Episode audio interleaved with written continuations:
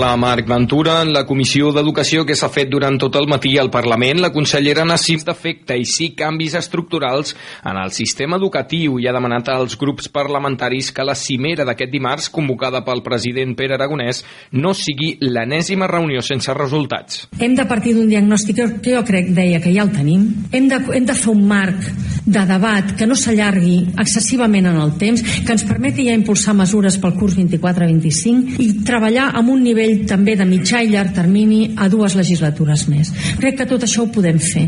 I demà segur que farem una aproximació important en la reunió que tindrem tots els grups parlamentaris sobre aquest marc de treball Simó ha detallat els resultats de les últimes proves de competències bàsiques i de l'informe PISA, reiterant que són dolents, però ha afirmat que el sistema pot millorar de manera prou ràpida si es prioritza combatre la segregació i la pobresa infantil, ja que, segons ha dit, es comencen a veure brots verds en la millora de l'equitat del sistema. I encara en clau educativa, el sindicat UGT demana a les empreses i al Departament d'Educació, precisament, que no juguin amb la formació professional després que alguns estudiants en pràctiques hagin vist rescindits els seus contractes davant de l'obligarietat de donar-los d'alta a la Seguretat Social a partir de l'1 de gener. El portaveu del sindicat, Jesús Martín, ha advertit a la xarxa que això contribuirà a provocar un col·lapse burocràtic. Catalunya ha tingut un increment notable d'alumnat de procedència estrangera que no té el, el NIE. I un dels problemes que, que tindrem és com podrem entrar en, en un sistema aquells alumnes que només tinguin un número de passaport. Els centres de formació professional volen tenir resolt el problema abans de començar les vacances de Nadal. A Catalunya hi ha uns 150.000 estudiants que poden haver de fer pràctiques al gener. En matèria política, encara no hi ha concreció sobre la reunió entre Pedro Sánchez i Carles Puigdemont, però Junts per Catalunya la dona per feta i assegura que tindrà lloc pròximament i fora de l'estat espanyol. Així ho ha assegurat aquest dilluns el portaveu del partit, Josep Rius, que ha evitat dir si serà abans o després de l'aprovació de la llei d'amnistia al Congrés i al Senat. I en clau econòmica acabem de saber que els bancs i el Ministeri d'Economia arriben a un acord per ampliar les mesures de suport a les famílies que tenen problemes per pagar la hipoteca. Se'n beneficiaran les llars que ingressen fins a 38.000 euros l'any. Gràcies per la seva atenció. Això és tot. Fins aquí les notícies en xarxa. Notícies en xarxa.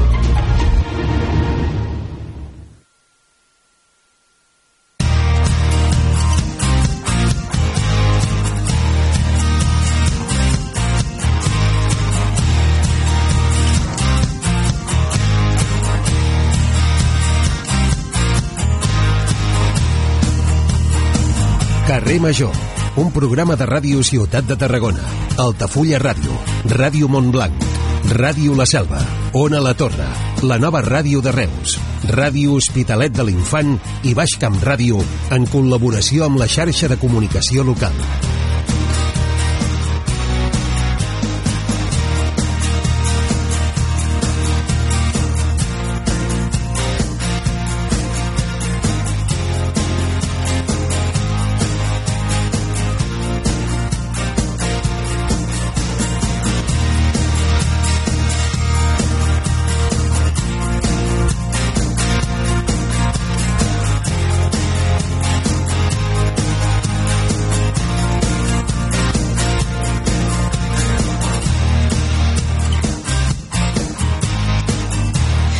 Hola, bona tarda, benvinguts a tothom. Això és Carrer Major, el programa que fem 8 emissores del Camp de Tarragona. Avui comencem analitzant dades de sinistralitat viària. Les motos estan involucrades en el 44% dels accidents de trànsit amb víctimes mortals i ferits greus de Catalunya, malgrat que representen un 2,3% de la mobilitat. En el cas dels accidents mortals, les, mosos, les motos participen en el 30% del total de sinistres. Són dades que figuren en l'estudi Eurorap que ha fet el RAC analitzant les dades de sinistralitat entre 2020 i 2022. En aquest trieni, els accidents greus i mortals han disminuït en conjunt un 7%, mentre que la mobilitat global ha augmentat una mica. Per demarcacions, Lleida és la que té el percentatge de quilòmetres amb risc alt o molt alt de tenir un incendi amb un accident greu, eh, un risc que arribaria al 28%. Girona i Tarragona són les que tenen els percentatges més baixos, del 21%. I entre les carreteres més perilloses, segons aquest estudi del RAC, hi ha una local del nostre territori, la TP eh, 7225, que va de Reus al Morell. Aquesta és una de les notícies eh, de la jornada també en matèria política, la portaveu d'Esquerra Republicana, la ballenca Raquel Sanz, ha retret al Partit dels Socialistes que posi com a gran requisit desencallar el projecte recreatiu que Hard Rock vol instal·lar al Tarragonès a canvi de negociar els pressupostos de l'any 2024. Eh, Sanz lamenta que els socialistes obvien, en canvi, inversions en educació i salut. I, de fet, avui, sobre aquestes dues qüestions, sobre educació i salut, també en tenim coses destacades. D'una banda, la consellera d'Educació, Anna Simó, que ha promès canvis estructurals en el sistema educatiu i ha demanat als grups parlamentaris que la Samira que es farà demà dimarts, arran dels resultats tan dolents que van sortir dies enrere de les proves PISA, doncs espera ella que aquesta cimera no sigui l'enèsima reunió sense resultats. I en matèria sanitària, doncs avui el departament ha anunciat que l'any vinent es desplegarà un nou model d'atenció pediàtrica basat en 79 equips eh, formats per pediatres, infermers especialitzats en aquest àmbit, a més d'especialistes en atenció a infants adolescents. 79 equips que es repartiran entre els centres d'atenció primària de tot Catalunya, de tal manera que es vol garantir que per anar a rebre aquesta atenció pediàtrica no calguin desplaçaments de més de mitja hora. Això és Carrer Major, som les emissores del Camp de Tarragona, us acompanyem les vuit emissores que fem possibles aquest programa.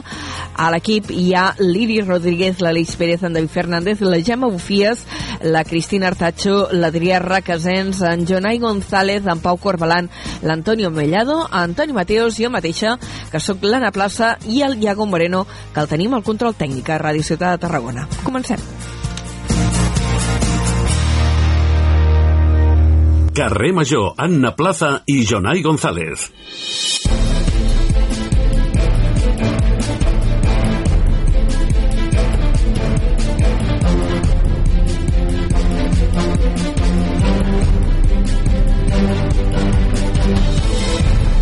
Quatre i set minuts, un moment de repassar en forma de titulars aquestes notícies, les més destacades del dia al Camp de Tarragona. Ho fem amb en Jonai González. Jonai, bona tarda. Molt bona tarda. La Cambra de Comerç de Tarragona anuncia una missió comercial a Corea del Sud per exportar vi i oli d'oliva. L'ens territorial espera assolir el seu rècord d'accions internacionals durant l'any 2024. Més eh, qüestions que tractarem avui a l'informatiu, també en plan econòmic, el president de la patronal Foment del Treball, Josep Sánchez Llibre, ha manifestat el seu suport al macrocomplex turístic del Hard N'ha parlat avui des de Tarragona, on ha donat suport a Xavier Rigau, el nou president de la Confederació Empresarial de la província de Tarragona, la CEPTA i el Parlament també continua aquest debat sobre Hard Rock. De fet, avui Esquerra Republicana ha retret als uh, socialistes que posin com a gran requisit desencallar aquest macrocomplex turístic que es vol instal·lar a la nostra comarca, el Tarragonès, a canvi de negociar els pressupostos de l'any vinent.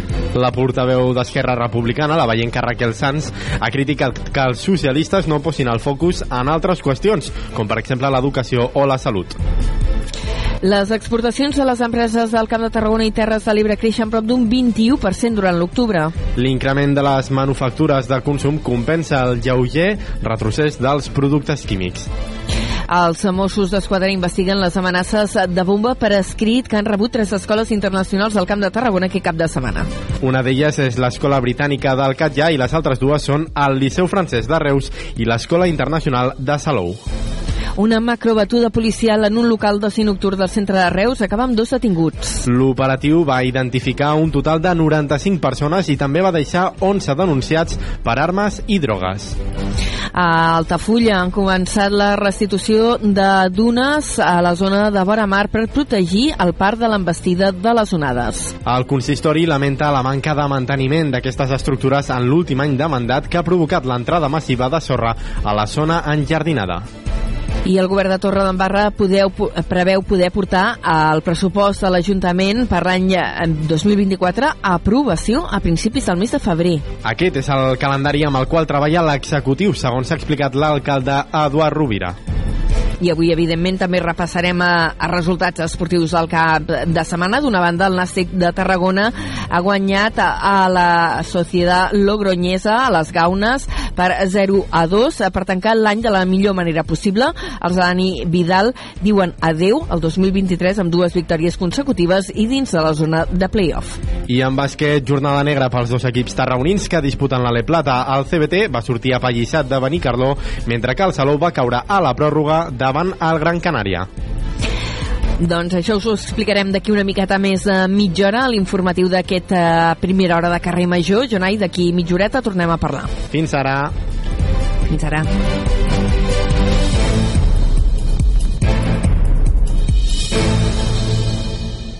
Carrer Major. Toni Mateos.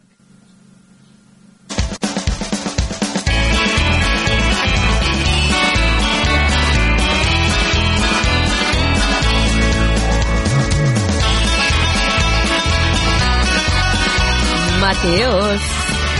Plaça! Què? Què? Com estàs? Bé, bueno, anar fent, anar fent.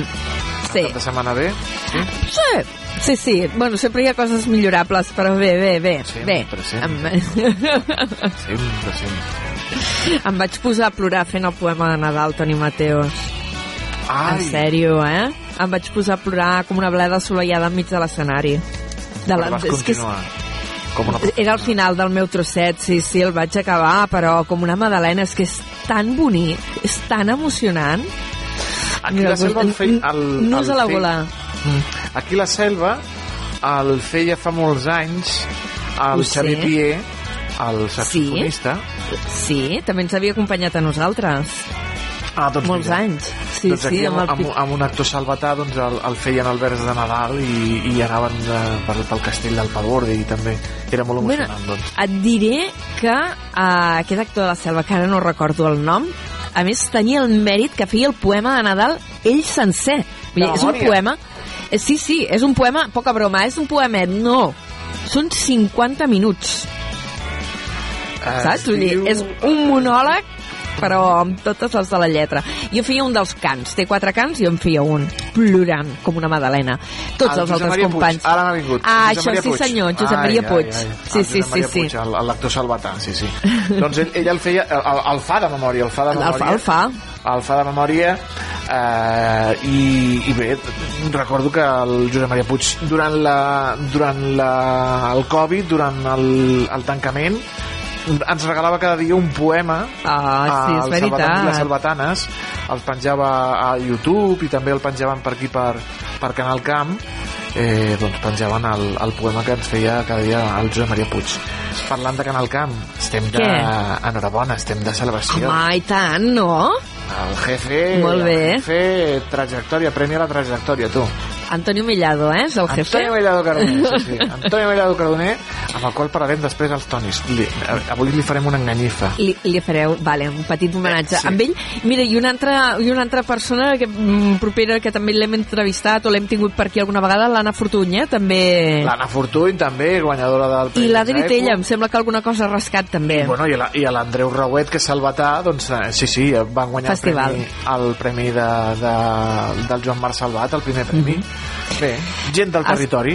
Gent del territori, Fantàstica. periodistes que creixen i que fan coses interessants. Uh, D'alguna cosa en parlareu a segona hora. Uh, sentirem també crònica l'informatiu, si arribem a temps. Mhm. I Toni Mateos, tu a partir de les 5 què faràs? Mira, tindrem a l'Òscar Escudero, és un, ell se defineix com postcompositor, amb Ai, una Dios. obra que es diu Variacions sobre una obra de Robert Gerard. Vale. És a dir, Parlarem amb ell. tindrem música contemporània sobre música contemporània. Correcte. I a més a Correcte. més, eh, ell, ell fa servir eh, vídeos i, i electrònica. Fantàstic. Ai, que guai. M no sé, a mi aquestes coses m'agraden molt. Segur que és tant, superinteressant. tant, sí. Amb la Maribel Martínez, la veterinària de Coselva, en la nostra secció cada 15 dies, avui ens parlarà que una mascota no és un regal de Nadal, no és una joguina. No, no, no. que cauran moltes joguines i molts regals i cuidado amb regalar mascotes que no és, com hem dit, una joguina, és una responsabilitat. Als Tonis, ara que no ens escolta, li farem un enganyif a l'Antonio, li farem entrar aquí pam-pam. Que bonic. Eh, que tal, però li farem un petit homenatge. Banda sonora del Camp de Tarragona i la furgoneta avui alerta perquè la Cristina Què? Altacho se'n va veure el Jordi Gallent, que és un aficionat a trencar closques i és el guanyador del cinquè premi en un concurs internacional de disseny de trencaclosques. Alerta Tremendo. això. Ah, tremendo. Tremendo. I, i, I tu saps qui tinc jo ara d'aquí no res? Home, a la grandíssima Ola Chirinax. Sí, em fa una mica de respecte, eh? Vull Sí? dir, entrevistar algú que té tanta trajectòria i que en sap tant. És, estic, Entrevistar a una doctora honoris causa, tu. Amb una doc... Mai havia entrevistat una doctora. Estic nerviosa com un flam, però bueno, ara parlarem amb ella. No, home, no, que, que segur que et sortirà molt bé, ja veuràs. I la, la, la, la senyora Chirinax, bueno, què dir, bueno, ja, ja veuràs. Fantàstic. Ara parlarem amb ella. Toni, fins després. Tu agafes el després, relleu Anna. a les 5. Adeu. Adéu, adéu. Carrer Major, el primer programa del Camp de Tarragona.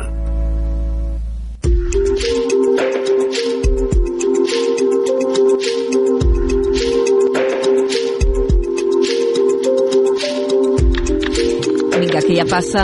Amb el Toni ens enrotllem sempre moltíssim no pot ser això. Uh, passa un minut a un quart de cinc de la tarda i avui, ara ho deia amb ell, una entrevista d'aquelles que em fa molt de goig i al mateix temps em fa respecte, perquè és algú amb moltíssima trajectòria, eh, molt respectada en el món literari i és l'Olga Xirinax. L'entrevistem perquè fa no res, encara no dues setmanes, la van investir doctora honoris causa per la Universitat Rovira i Virgília i hem aprofitat aquesta avinentesa.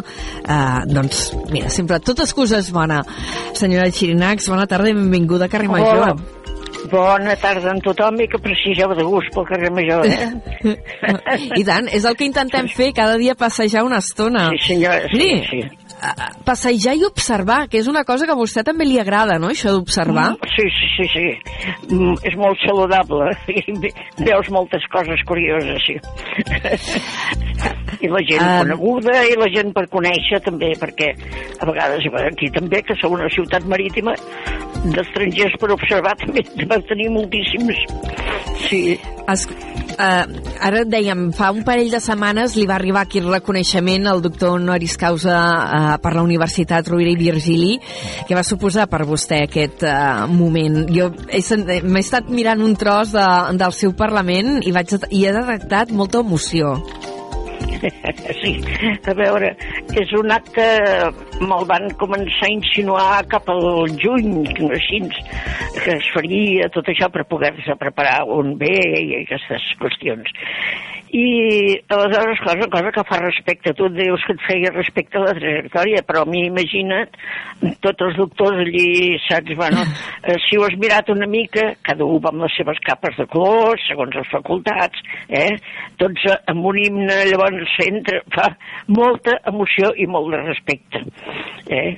I és una cosa que, doncs, per mi va ser agradabilíssima, emocionant també, i en tinc, a veure, aquests records fins que em mori, en tinc per, per viure el temps que em quedi recordant això, perquè després també tam- no totes les coses són bones. Després ja de seguida m'ha tocat ingressar-me a l'hospital per, fer-me unes proves i tot allò que surt. Ai. Però bé, penso que com que ja tinc una edat, que com deia aquell articulista també del camp, diu, si es descuiden, faran salat, sí. doncs ja penso que és igual, que ja podem viure d'aquests records i tot això supera doncs, les altres coses. Eh? Uh, L'Olga Xirinax, um, ara deia, tinc una edat, clar, 86, 87, ens estem acostant ja. 87, i cap al Ja els has 88 que fan doble així que quedarà boniquet això.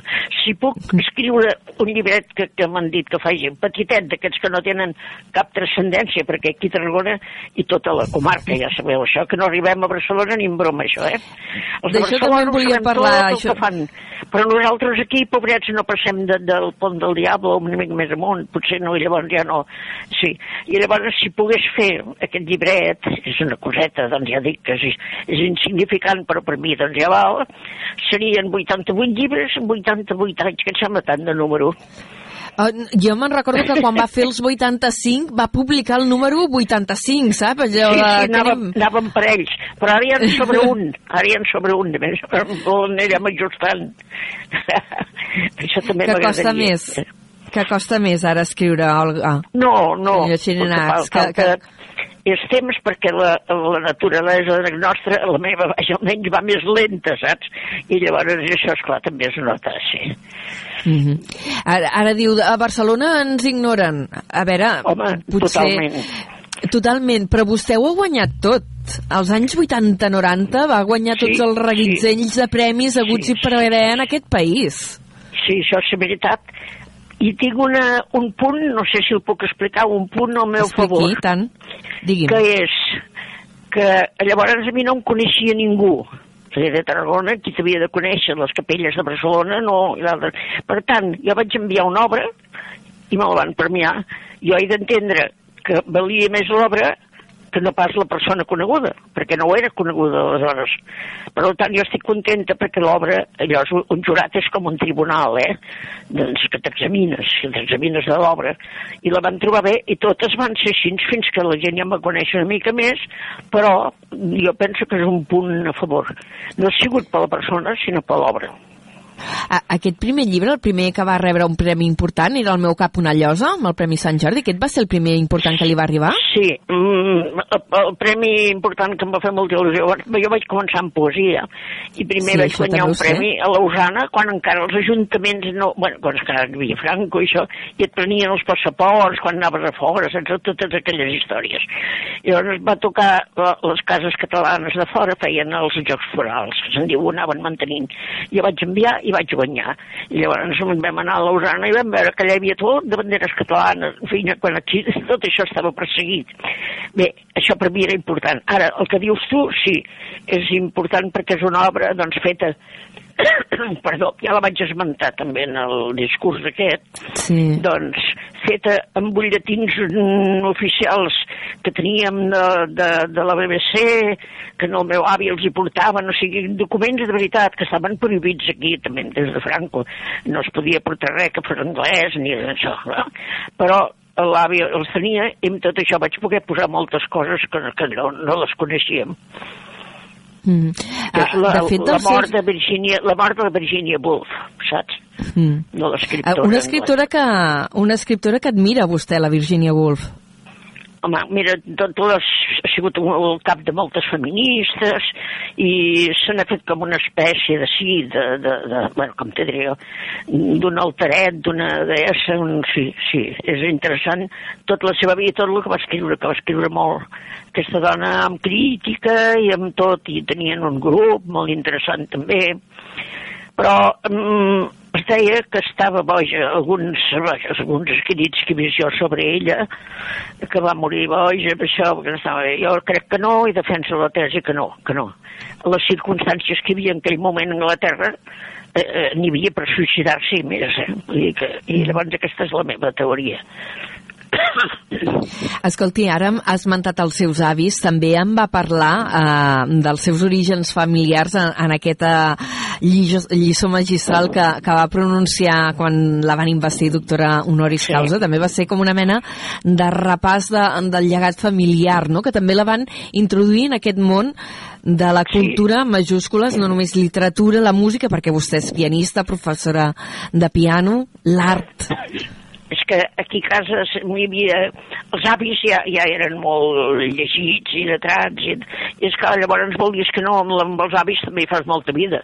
Ja n'hi feia, perquè vivíem tots a la mateixa casa, no al mateix pis, però al mateix edifici. Vivíem amb els avis i els pares i així. I vulgues que no, jo era molt tafanera i d'això, doncs vinga, com deia jo, a llegir sota la taula del menjador. Vinga, estirada amb una estona, no em deien res. Doncs mira, anar fent, i així vaig començar, saps? I aquesta és la trajectòria. Llavors l'avi també era molt aficionat a la música, em va pagar les primeres classes de música i vaig anar fent, vaig anar fent la via i així es formen les coses. I, i, I també explicava d'aquest origen familiar, eh, senyora Xirinacs, parlava, feia esment de, del seu pare, diu, del meu pare em ve l'arrel catalana i tinc una part celta que em ve de la meva mare. Sí, això ho he tingut sempre molt present perquè a veure com venen els gens, a mi m'agraden molt els celtes. I el caràcter, bueno, ells venien, la, la part de, materna, venien d'Astúries i Galícia que són pobles celtes fins que a la Bretanya i encara més amunt fins a Irlanda i tot això, però ja em paro a la Bretanya que ja està bé i aleshores són una gent que, així com aquí a Tarragona, tallen els arbres i és una cosa seca, és això, allà els arbres els veneren, eh, és una altra mena de, de cultura, mm, i a mi m'agrada més aquell tipus de cultura que aquesta d'aquí que tenim tan eixuta. Això diria que és eixuta de caràcter i eixuta de tot som arboricides. Jo no sé si tota la torre talleu molts arbres o en planteu de nous, eh? En aquest municipi, a Torre d'Embarra, hi ha bastanta sensibilitat ambiental, també li he de dir, eh? Ara no fa gaire doncs van això, fer la festa de l'arbre i van fent cosetes, eh? Van reivindicant Albert aquí. A mi m'agraden sí. molt els teixos i això bueno, es fa més en un lloc una miqueta més humit, una mica més... Els teixos és aquest arbre, bueno, ja el coneixeu, que fa com una cirereta, sí. que és d'un color verd fosc. Si no, el xiprer és un verd més claret, el teix és un verd fosc. I es diu dels teixos que són verinosos tots, però bueno, d'aquí del, del teix se'n treu una substància que es diu taxol, que serveix per curar el càncer. I aleshores això s'ha de tenir en compte i també es diu moltes llegendes que són guardians dels morts perquè els planten a la vora dels rius per purificar l'aigua de la vora de les ermites perquè diu que es fiquen les arrels a la boca dels morts. Hi ha molta llegenda amb aquests arbres i a mi m'agrada, tot això m'agrada molt. Sí, anava a dir... Ja, les ja... coses artúriques, també saps allò de, del rei Artur, ara que estan fent pel·lícules, moltes pel·lícules fan d'aquesta època, belles, això sí, eh? però doncs tota aquesta bueno... mitologia, saps que hi ha més amunt, doncs això m'agrada. Unes terres una mica més plujoses, una miqueta més, no sé, boiroses, així com de misteri, això m'agrada molt. Miri, ara, ara parla d'aquest misteri i jo ara fa, fa uns anys vaig haver de llegir perquè havia de fer un reportatge que al final no va ser uh, sobre el cementiri dels Jans i ah, sí. Havia de... Sí, que al final no va ser aquell reportatge per circumstàncies diverses, però em vaig llegir sí. el seu llibre que era Front Litoral, pot ser? El títol ara no el recordo de memòria. Aquest llibre era zona, zona marítima a aquest, Zona Marítima. I recordo va precisament... Va guanyar el Premi Ramon Llull, aquest llibre, sí. Doncs me'n recordo molt precisament d'aquest ambient també com a boirós, no? Retratava una Tarragona amb una mena de bruma perquè, que... Perquè fa sortir el que tot agrada, més aviat, sí. Sí, Això sí. És el, el tema però és curiós perquè ara no s'hi pot entrar, abans sí que, es, que ens van no. deixar les claus i vam poder entrar. És molt curiós perquè hi ha molta història de Tarragona i està allà amagada i un dia hi posaran una palada de ciment que ja hi és ara i no se sabrà mai més la història aquesta, perquè hi ha gent de la guerra de successió, gent de, de, de, bueno, de, de moltes guerres diferents, però estan allà sense noms i sense res. Després, Però, clar, també hi havia anglesos que vivien aquí a Tarragona, aquests sí, ja estan numerats, mariners que, que, que venien amb vaixells estrangers i també estan allà posats, aquests sí. Però la majoria mm. d'aquests de la història que han estat portats d'un lloc a l'altre, així repelades, allò està allà tancat i no se sap. Hi ha molta petjada de Tarragona a la seva obra també, oi?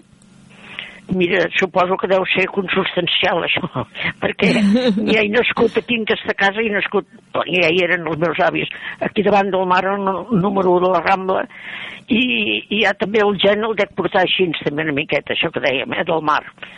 I vulgues que no, doncs això t'entren a les sangs i va sortint també, eh? perquè a més hi ha temes, a mi m'agrada molt el misteri, i aquest tenen un esquelet, no sé si això un esquelet viu que va sortint a les nits. N'hi ha més d'un, eh, que surten.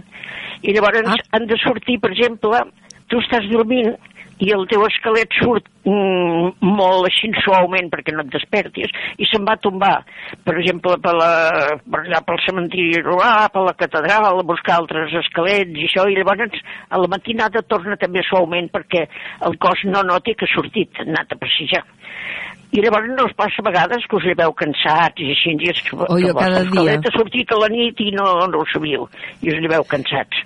I això m'agrada molt anar per allà dalt de la catedral, que n'hi ha d'altres, prenen el seu gotet de xartrés i, i després se n'en tornen cap a casa.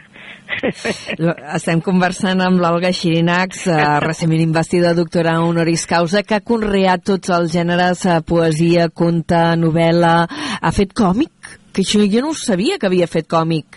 Còmic, I jo tampoc, i artic- sembla que no ho sé, això.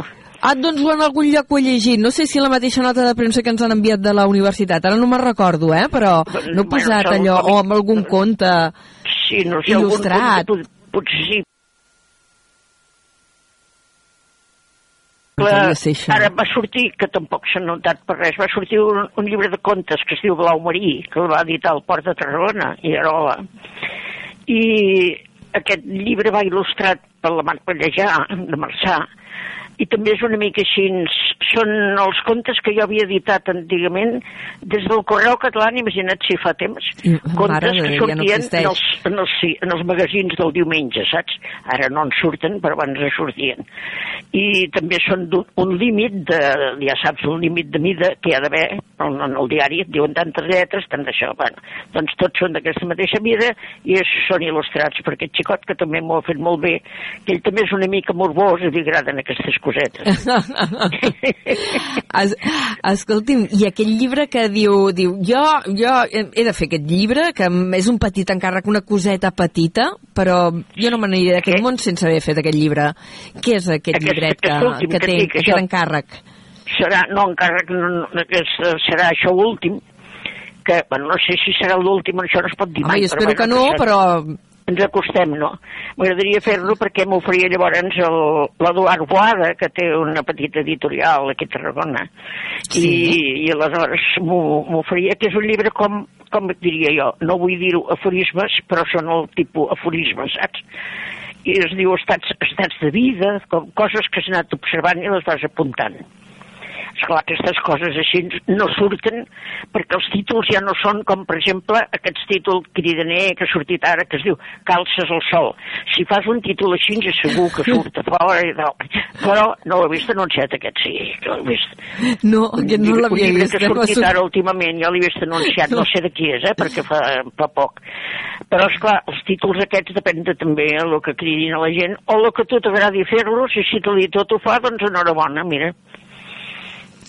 Uh, senyora Xirinacs, ho haurem de deixar aquí. Ha estat un plaer tenir-la avui al programa. Uh, recentment gràcies, investida eh? doctora honoris causa amb vostè per acceptar l'entrevista amb una trajectòria Gràcies, de gairebé 90 llibres i amb molts reconeixements i més que esperem que arribin, eh? Sí, sí, sí, molt bé, doncs moltes gràcies i els oients que us vagi tot bé, el Nadal ben bonic, eh, ben feliç per tots. D'acord. Moltíssimes gràcies, senyora Xirinacs. Gràcies Un a plaer. vosaltres. Adéu-siau. Adéu. Adéu.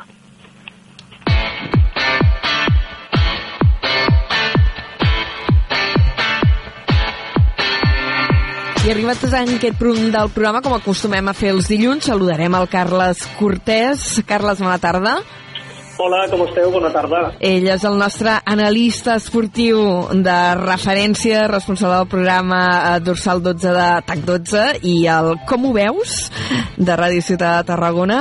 Que, com l'has vist aquest cap de setmana? De fet, el Nàstic arriba amb bones notícies. Sí, sí, sí, la veritat és que sí. A més, per segona setmana consecutiva, i això és bo.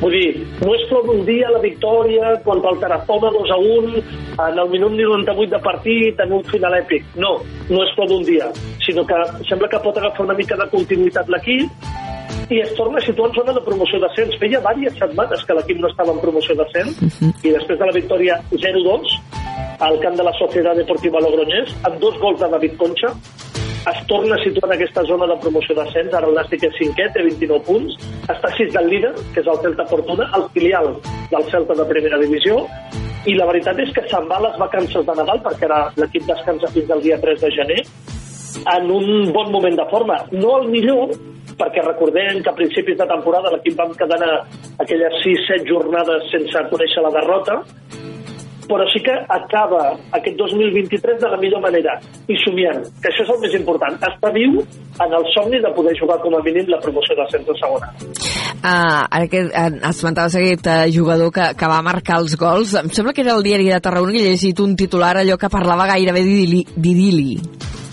Sí, perquè a més a més aquest és un jugador amb molta classe, va jugar a primera divisió amb la Real Societat ha tingut alti- altibaixos a la seva carrera esportiva i arribava a Tarragona amb el dubte del seu rendiment, perquè ell havia anunciat la seva retirada. El, durant l'any 23 va jugar a Suècia i havia anunciat, mig anunciat la seva retirada, però finalment l'oferta del Nàstic li va agradar, va arribar a Tarragona, i sí que té molta classe, té molta qualitat, és un jugador que pot ser molt determinant, però li faltava segurament el que va aconseguir ahir, que és marcar gols. I en va fer dos, a més del primer toc. El primer des de la frontal de l'àrea amb un xut, una pilota que li va caure a la frontal de l'àrea, cap esquerra, primer toc, i va marcar gol, i el segon també amb una vaselina al primer toc. O sigui que té una cama esquerra que és una delícia, no li havíem acabat de veure en la faceta golejadora, i ara ja ha ensenyat també que sap marcar gols. Eh, Tot això dona una mica de tranquil·litat, no?, al Nàstic després d'aquelles setmanes així amb, amb resultats o negatius o d'empat. absoluta tranquil·litat, necessària tranquil·litat. Sí, sí, estic completament d'acord, Anna. Eh, Guanyar sempre porta tranquil·litat, ja no només a l'equip o al cos tècnic, sinó també a l'entorn, als aficionats, o en aquest cas al Consell d'Administració, que és qui havia anunciat un ultimàtum la setmana passada. Això sembla que queda aparcat, veurem com arrenca el 2024, però tot això ara queda aparcat, a falta de que torni a jugar una altra vegada, com dèiem, dimecres 3 de gener. El Nàstic jugaran dimecres al nou estadi a Tarragona contra el Cornellà en la represa de la competició ja el 2024. Eh, doncs dues setmanetes eh, de vacances pel Nàstic, que, per cert, mira, aprofito dir-ho, que a Carrer Major també farem dues setmanetes de, de vacances ara per Nadal. Sí, perquè en Molt aquestes dates es paralitza tot. A, a, després et faré un matís. Esportivament, gairebé tot. Gairebé faré tot. un petit matís només. Val, Sí, sí, sí. doncs després em fas el mateix. Jo parlava en general a la vida, eh? Fer un programa de ràdio en època de vacances és francament complicat, per això fem sí. aquesta petita parada. Um, escolta, el Nàstic s'han quedat més tranquils, però no estan gens tranquils. Jo crec que es deuen estar estirant dels pèls. És el CBT. Sí, sí, sí, una altra derrota. Deixa'm matisar que tercera federació, perquè Ai, sí, és veritat. futbol, va haver-hi, eh, com hi havia un derbi, uns surten contents i els altres surten tristos. Hi havia un repitenc a Reus i va guanyar la repitenca 3 a 2. Què per tant, estàs- una mica d'aire. Mira, això no m'hi havia... Aquest resultat no l'havia buscat, no, no, no el sabia. O sigui, m'aca- m'acabes de donar tu la notícia.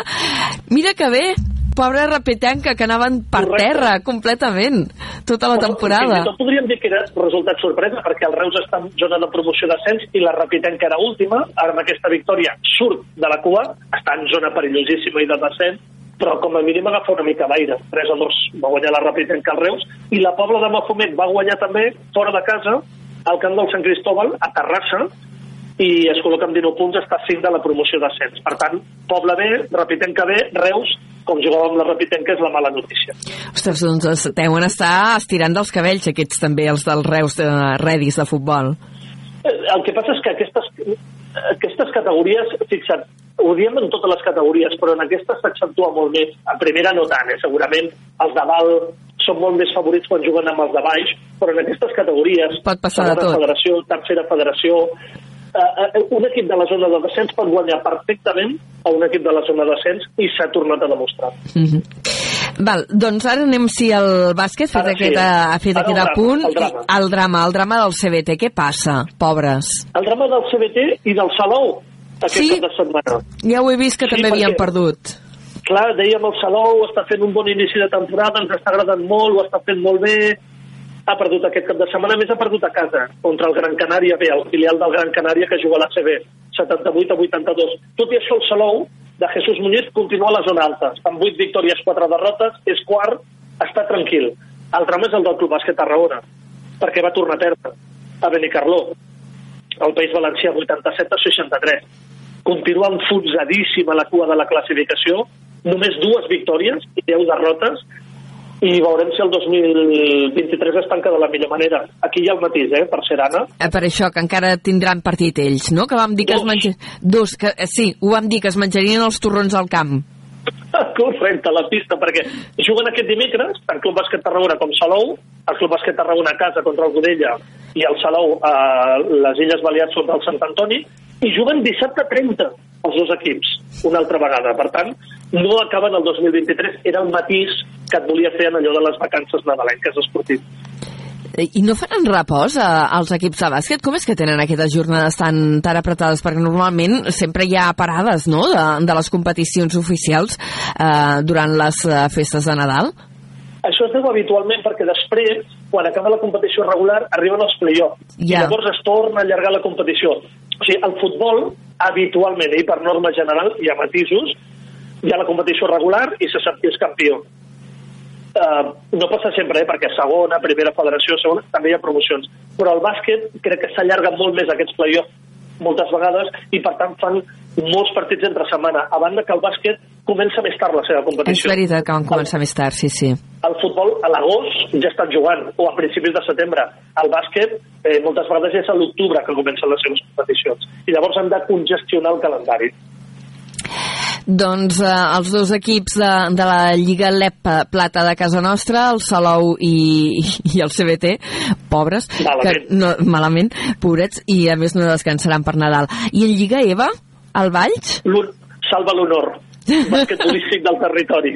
Com és habitual també en aquest inici de temporada, perquè va guanyar fora de casa, 87 a 92, a la pista del Salt, continua tercer al Club Bàsquet Valls, 9 victòries, 3 derrotes. El, el problema que té és que els dos que té per davant no perden. Eh, la Bisbal, eh, la Bisbal de l'Empordà, que és el líder, té 11 victòries, cap derrota. 12 victòries, cap derrota. I el Mollet també està allà. O sigui que està amb 10 victòries. El Valls necessita en els duels directes amb la Bisbal de l'Empordà i el Mollet guanyar-los per poder aspirar a ser primer o segon al final de la temporada. De moment, victòria sal, 87-92, i la competició torna al gener precisament contra el segon classificat, contra el Mollet. Uh, I en hoquei, aquest cap de setmana no hi ha hagut uh, partit de Lliga, però sí que veníem de la setmana passada, el dia 14, en què hi havia derbi a la Champions League, a la, a la competició La- europea, dos equips del territori. Correcte. Sí, la competició de l'hoquei Lliga no torna fins al gener, el diumenge 7 de gener, però sí que hi havia Champions aquest cap de, aquesta setmana passada, dijous, el Joan Ortoll, a Calafell, el pavelló del Calafell, i va guanyar el conjunt local al Calafell, a més d'una manera contundent, 4-1. Un resultat molt contundent, un resultat que deixa una mica tocat al Reus en aquesta competició europea. Queden encara unes quantes jornades, el mes de gener arribarà la tercera, però la veritat és que el Calafell fa un pas important, Per classificar-se. definitiu, sí, no, no és definitiu, però, però com a mínim ha guanyat un dels dos partits que ha jugat. En canvi, el Reus ha perdut els dos partits que ha jugat. I és clar, dels quatre equips que hi ha al grup, es classifiquen els dos primers pels quarts de final. Eh, el Reus està a temps, però s'obliga gairebé a guanyar els partits que li queden per poder arribar a temps de classificar-se entre els dos primers. Perquè aquesta és la segona ronda de classificació, no?, de, de l'hoquei, de la Champions. Correcte. És la segona fase, s'han jugat dues jornades d'aquesta segona fase i encara en queden quatre d'aquesta segona fase. La pròxima serà l'11 de gener, el Calafell jugarà al camp de l'Sporting de Portugal i el Reus jugarà a la pista del Benfica. Si el Reus aspira a poder-se classificar, hauria de guanyar a la pista del Benfica i el Calafell, fins i tot un empat podria ser bo a la pista de l'Sporting Club de Portugal. Però, però això, és, això és fer hoquei ficció, eh? Ja. És fer ficció.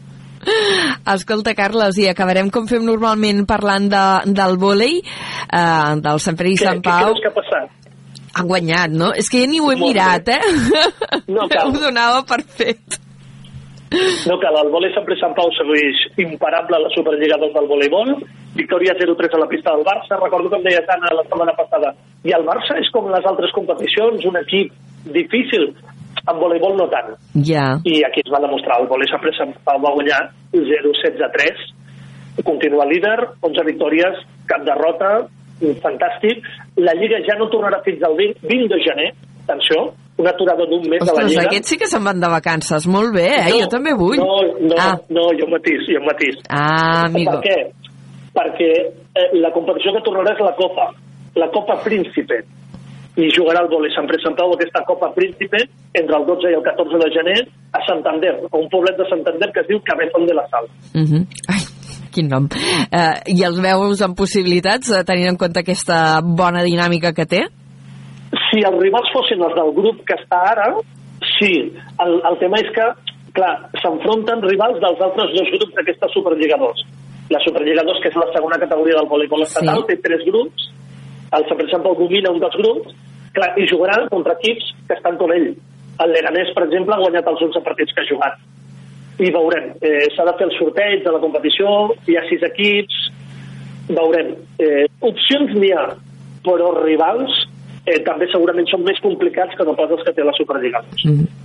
Carles, doncs mira, hem deixat així amb, amb la mel als llavis, no?, d'unes quantes coses que vindran en les pròximes setmanes i com que fem una paradinha, doncs en tornarem a parlar a partir de, de després de Reis, el dia, si no recordo malament, dilluns és dia 8, no? Doncs el 8 el de gener. 8. Doncs mira, ja ens sí. emplacem, eh? Ja quedarem més o menys, eh? Per en aquesta hora, sempre, i, i tornarem a parlar dels resultats que hi hagi hagut eh, aquests últims dies de, que ja hauran reprès l'activitat la, alguns dels equips del nostre territori.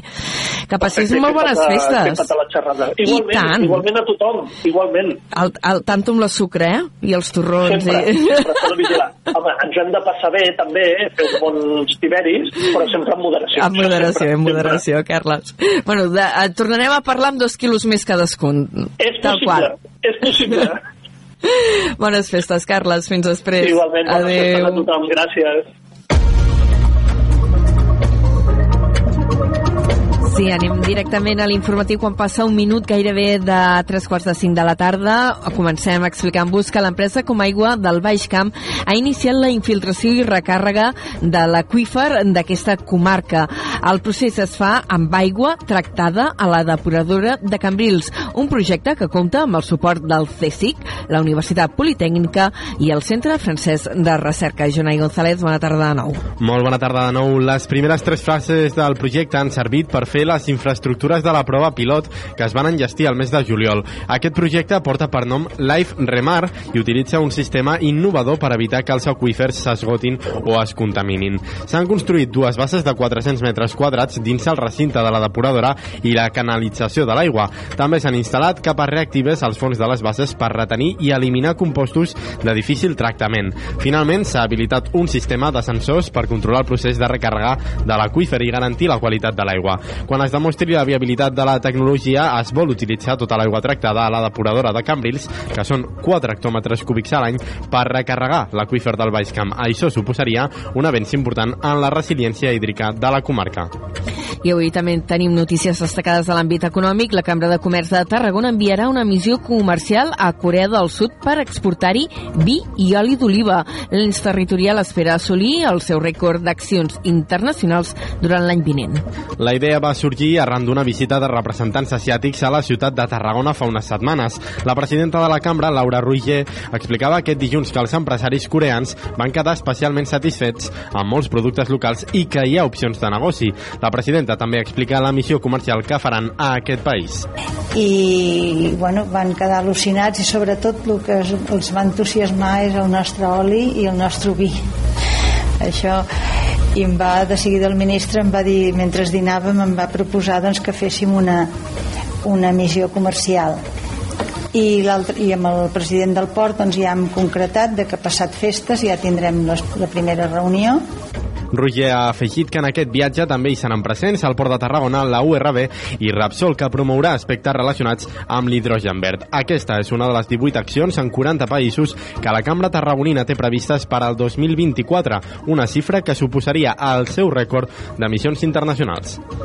I avui ha segut a Tarragona el president de Foment del Treball, eh, Josep Sánchez Llibre, que ha manifestat el seu suport al macrocomplex turístic de Hard. Com dèiem, n'ha parlat avui des de Tarragona Ciutat on ha donat eh, suport a Javier Rigau, el nou president de la Confederació Empresarial de la província de Tarragona, la CEPTA. El president de la gran patronal catalana ha expressat que arribaran fins on sigui perquè el projecte de Hard Rock es converteixi en realitat. De fet, Foment considera imprescindible aquest projecte juntament amb l'ampliació del Prat i l'autovia B40, tots tres en el centre del debat de pressupostos. Hard Rock és rellevant per vosaltres. Nosaltres arribarem fins allà on sigui per intentar doncs, que això sigui una realitat.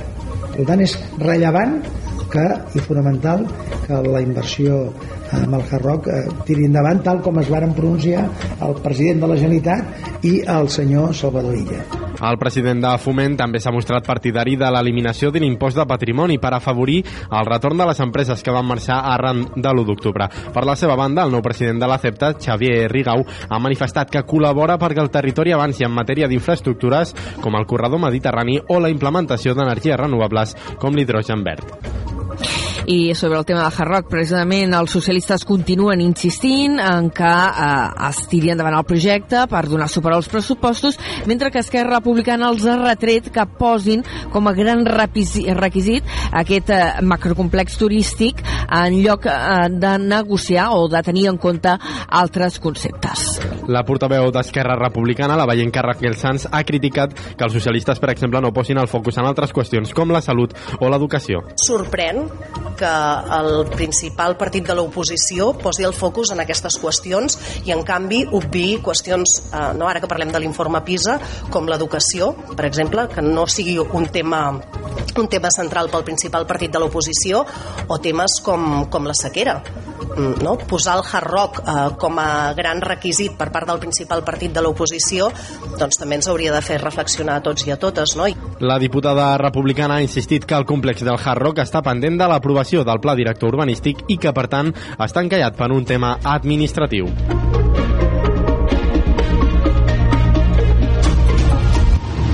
10 minuts i seran les 5 de la tarda. Protecció Civil ha començat a distribuir més de 145.000 imants en consells d'autoprotecció als municipis amb risc químic més alt. El material consta d'una carta amb un imant i un eh, fulletó informatiu que s'enviarà directament als domicilis dels municipis situats a les zones d'intervenció i d'alerta. Aquests municipis que preveu el Pla Secta són, per exemple, Reus, Salou, Vilaseca, la Canonja o la Pobla de Mafumet, entre d'altres. Els imants duen el missatge de l'efecte bombolla, el principal lema de la campanya que explica que el confinament és la millor mesura d'autoprotecció. La seva distribució ha costat al voltant de 65.000 euros.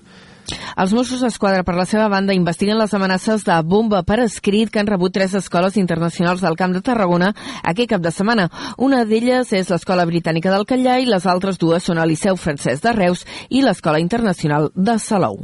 El cos autonòmic ja ha confirmat que aquestes amenaces són una falsa alarma i no han donat indicacions per tancar cap centre educatiu. S'ha obert una investigació per determinar l'autoria de les amenaces i hi ha una vintena més de centres educatius arreu de l'estat espanyol que han rebut els escrits amb les amenaces que també investiga la Policia Nacional. I ara parlem d'una macrobatuda policial en un local d'oci nocturn al centre de Reus que ha acabat amb dos detinguts. L'operatiu va identificar un total de 95 persones. Ens ho amplia des de la nova ràdio de Reus en David Fernández. L'operatiu de Mossos, Guàrdia Urbana i la policia espanyola al local La Xismosa del número 44 del carrer Amargura va tenir lloc entre la 1 i les 5 de la matinada del passat dissabte. Es van identificar 95 persones, es van practicar dues detencions per infringir la llei d'estrangeria i hi va haver 11 denunciats, 3 per possessió d'armes blanques blanques i 8 per drogues. A banda, Guàrdia Urbana i Inspecció de Treball van aixecar diverses actes per infraccions al local d'oci nocturn. I és que la xismosa ja va ser clausurada el juny de 2022 per faltes greus com la manca de senyalització o de les llums d'emergència i per la poca col·laboració d'uns propietaris que van anar al·ludint les revisions periòdiques. Al desembre de 2019 ja va viure un altre operatiu antidroga de Mossos, Guàrdia Urbana i Policia Espanyola que li va valer una sanció d'entre 1.500 i 5.000 euros. Les dues activistes investigades per les accions que es van fer en les protestes del 8 de març d'ara fa dos anys, el 2021 a Tarragona, han quedat absoltes. Les dues dones estaven encausades, acusades d'un delicte de danys per presumptes desperfectes contra la seu de Vox a la ciutat. El partit d'extrema dreta no ha comparegut en la declaració que s'ha fet aquest dilluns al jutjat d'instrucció número 1 de l'Audiència. Una quarantena de persones s'han concentrat a les portes dels jutjats per donar-los sí suport i n'han demanat l'absolució. Olga Muntades, membre del grup de suport a les dues feministes encausades, ha dit que seguiran plantant cara a l'extrema dreta. Bueno, avui estem aquí per donar suport a dues companyes que han estat encausades per Vox, per l'extrema dreta, eh, en unes accions en el marc de la vaga general del 8 de març de 2021, on 17 dones vam eh, vam ser identificades i intimidades per la policia i finalment dues han estat encausades i nosaltres estem aquí per eh, dir un cop més que plantarem cara a l'extrema dreta i a tot aquest sistema judicial que persegueix aquelles que estem lluitant i organitzades per fer un món molt millor. Les manifestants també han denunciat que els Mossos van identificar i, segons diuen, intimidar 17 dones durant la vaga general feminista de l'any 2021. I anem ara cap a Altafulla, on ha començat la restitució de les dunes de Boramar per protegir el parc de l'embestida de les onades. El consistori lamenta la manca de manteniment d'aquestes estructures en l'últim any de mandat que ha provocat l'entrada massiva de sorra a la zona enjardinada. Ens ho explica des d'Altafulla Ràdio en Pau Corbalan. Una màquina excavadora treballa des d'aquest dilluns en la recuperació de la sorra que nega el Parc de Boramar. Aquí s'hi estan reconstruint novament les dunes que ara fa uns 4 anys el consistori va aixecar per protegir el parc de l'embat de les onades.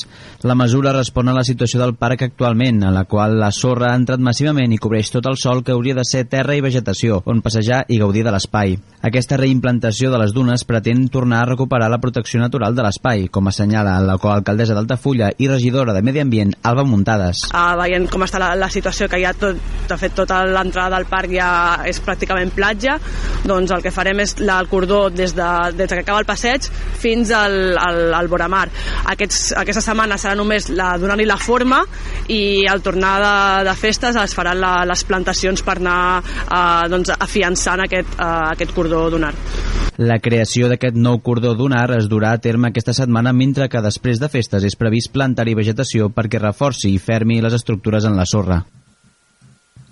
I al costat eh, d'Altafulla, Torredembarra, només apuntar-vos que l'aprovació dels pressupostos encara va una mica per llarg. De fet, el govern de Torredembarra calcula que els podrà portar a aprovació a principis del mes de febrer. Aquest és el calendari amb el qual treballa l'executiu, segons ha explicat l'alcalde Eduard Rovira.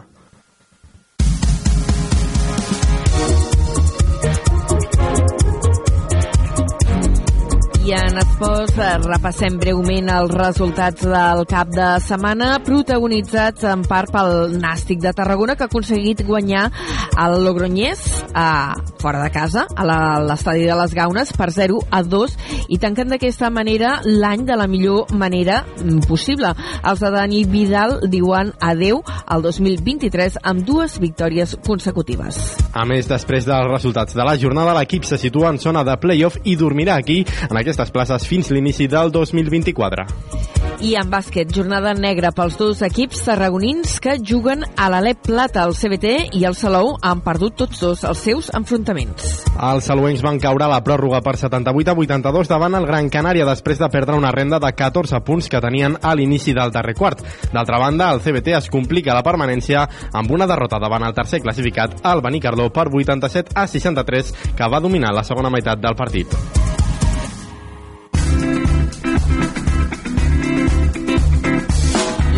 Cultura només un apunt per dir que els setens premis Joan Marc Salvat han reconegut el jove talent periodístic de la demarcació, uns premis que es van lliurar divendres passat.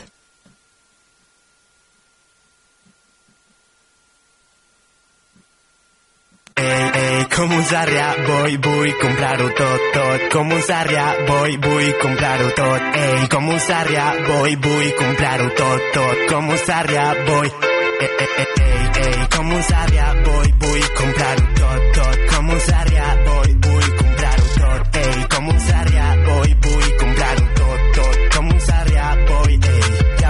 vull tornar a anar de vells i al capot i mig de laca sempre guardarà en secret el que porto a la butxaca. Un retrat de Ricky Puig i un bon gin d'ampolla maca mai es sap quan una tònica et demanarà petaca. I al bar sempre cafè amb llet i que no falti la naca diu la mama que vaquera un cop va acariciar una vaca. Diu el papa, diu el papa que mai vagi de passeig que mai vagi de passeig que allò és tot un niu de rates. Ei, ei, com un sàrria vull, vull comprar-ho tot, tot. Com un sàrria comprar-ho tot ei, com un sàrria vull, vull comprar-ho tot, tot com un sàrria vull, ei Avui m'han presentat aquest xaval de vells de dalt a baix, conegut als reservats com el boi de Sarrià. Cayetano català, madrileny amb platgeta feminista que convida però només per tocar teta. S'interessa quan li dic que tinc casa a la Cerdanya, diu que per allà sa mare en cop acaricia una vaca. Diu que ell no ha pujat mai, coixerola en sa vida, que per anar a la neu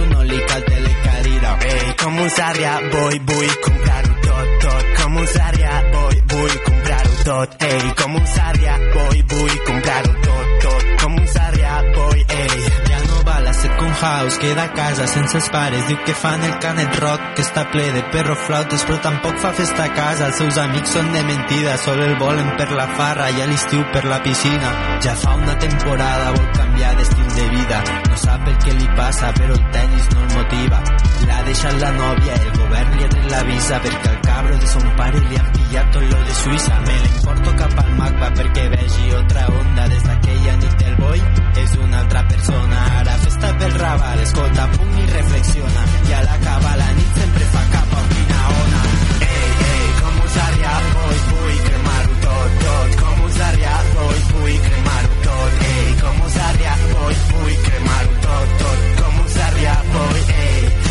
A.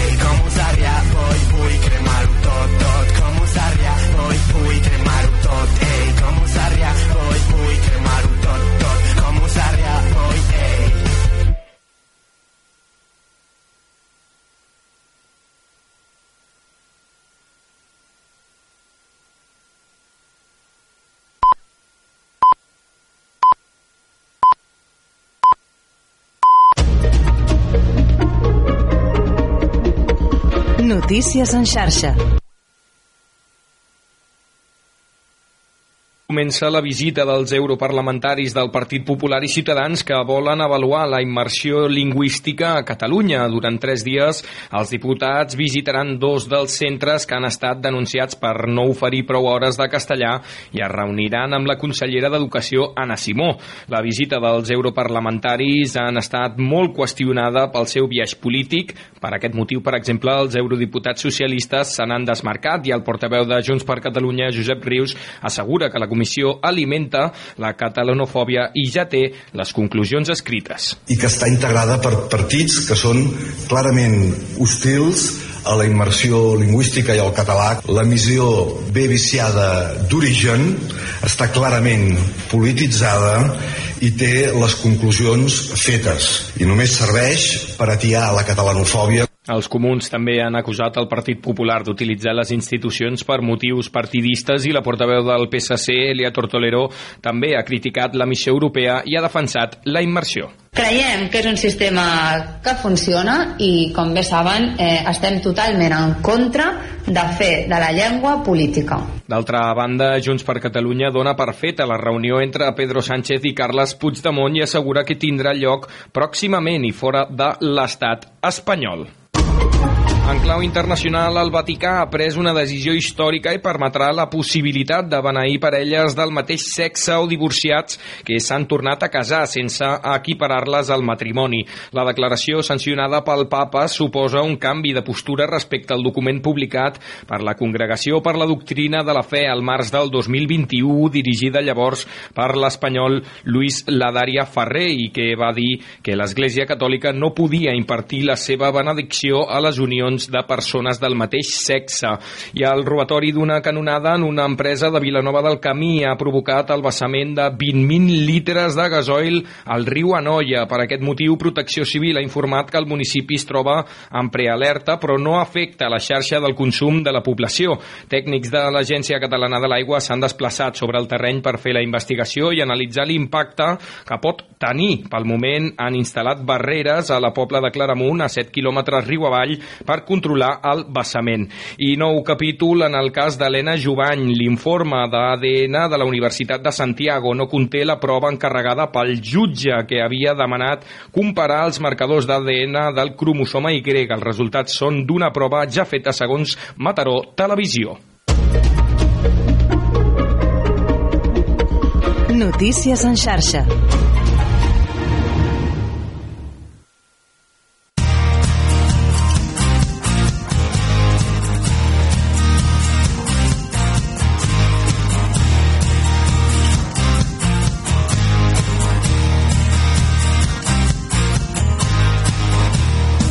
Carrer Major, Toni Mateos i Aleix Pérez. Hola, què tal? No, l'Aleix avui no hi és. Avui està de descans. Carrer Major. Toni Mateos. Ara, gràcies, gràcies. Hola, què tal? No sé si vostès també van viure com un servidor amenaces de bomba als seus instituts o universitats. Es va ficar de moda a mitjans finals dels 90. Una moda molt lletja, ho hem de dir. Trucar a la secretaria dels instituts amenaçant amb l'explosió d'un artefacte en nom d'alguna banda terrorista, ja sigui ETA, Terra Lliure o el Grapo. Curiosament, la trucada amenaçant coincidia amb un examen complicat de matemàtiques de COU o un de comptabilitat a cinquè de la FP. Les modes tornen, amics i amigues, perquè aquest matí una vintena de centres educatius privats ho han sentit a la informació, s'han aixecat amb, el, amb un mail amenaçant d'artefactes bomba. Immediatament, molts han tancat per seguretat, com el Liceu Francès de Reus o la Socrates Educa International School de Salou. Mossos, després de descartar l'existència d'explosius, continuen amb la investigació sobre aquesta falsa alarma, però creuen que es tracta d'una bretolada. Ja veuen, amics, als centres més privats, exclusius i cars, també hi ha bandarres i bromes pesades. Aquí al carrer Major, jo els recomano que truquin a Mossos, amics i amigues, perquè combinar Cada tarda, 8 emissores del Camp de Tarragona, com Ràdio Hospitalet de l'Infant, la nova ràdio de Reus, Baix Camp Ràdio, Ràdio La Selva del Camp, Ràdio Montblanc, Ona la Torre, Altafulla Ràdio i Ràdio Ciutat de Tarragona amb la xarxa pot donar un còctel explosiu d'actualitat, entrevistes, col·laboradors, bon humor i millor ràdio, que es diu Carrer Major. I el cap d'aquesta operació terrorista és en Diago Moreno, que està al control tècnic. Els parla un terrorista de les zones, Antoni Mateos. Fem que esclati la tarda. Benvinguts a la ràdio. Cada tarda de dilluns a divendres fem parada a Carrer Major. What is your relationship with truth, ladies and gentlemen? Would you categorize my words, this concert, me standing here in front of you, speaking to you right now, as truth? Perhaps if we take me out of the equation, we will get an answer in the purely ambient sound. This is the real ambient sound. Let's eliminate any external factors and go further. Curb your desire to understand what is William talking about. El músic ballenc Robert Gerard va néixer l'any 1896. De pare suís i de mare alsaciana, va haver d'emigrar al Regne Unit després de la Guerra Civil, on va aconseguir la nacionalitat britànica i va desenvolupar gran part de la seva carrera, mentre el règim de Franco tractava d'invisibilitzar-lo. Va morir a Cambridge l'any 1970. Una vida de pel·lícula, o com diuen ara els joves, una vida de memes. Doncs així ho han vist els artistes multidisciplinars, compositors multimèdia, i així va néixer Variaciones sobre un tema de Robert Gerard. Avui parlem amb aquests músics, amb aquests experimentadors, amb aquests bojos, a l'Òscar Escudero i a la Belenish Moreno Gil, que els tenim a l'altre costat de la videotrucada y el saludem. Óscar Belenis, buenas tardes, bienvenidos. Hola, ¿qué tal? Buena tarde. Buena tarde. ¿El catalán cómo lo lleváis?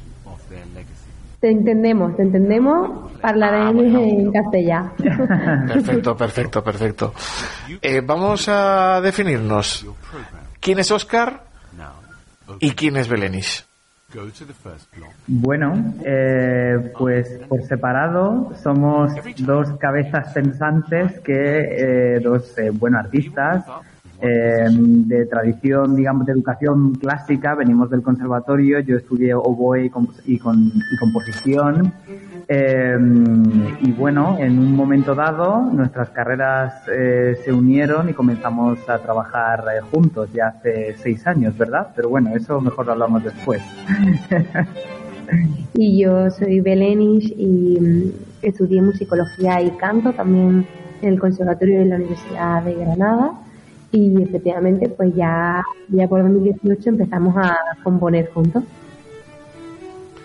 muchos años de trabajo en el extranjero, muchos premios, muchos reconocimientos, pero Belenish, Oscar, qué difícil es ser profeta en, en, en, tu tierra, ¿no? A veces.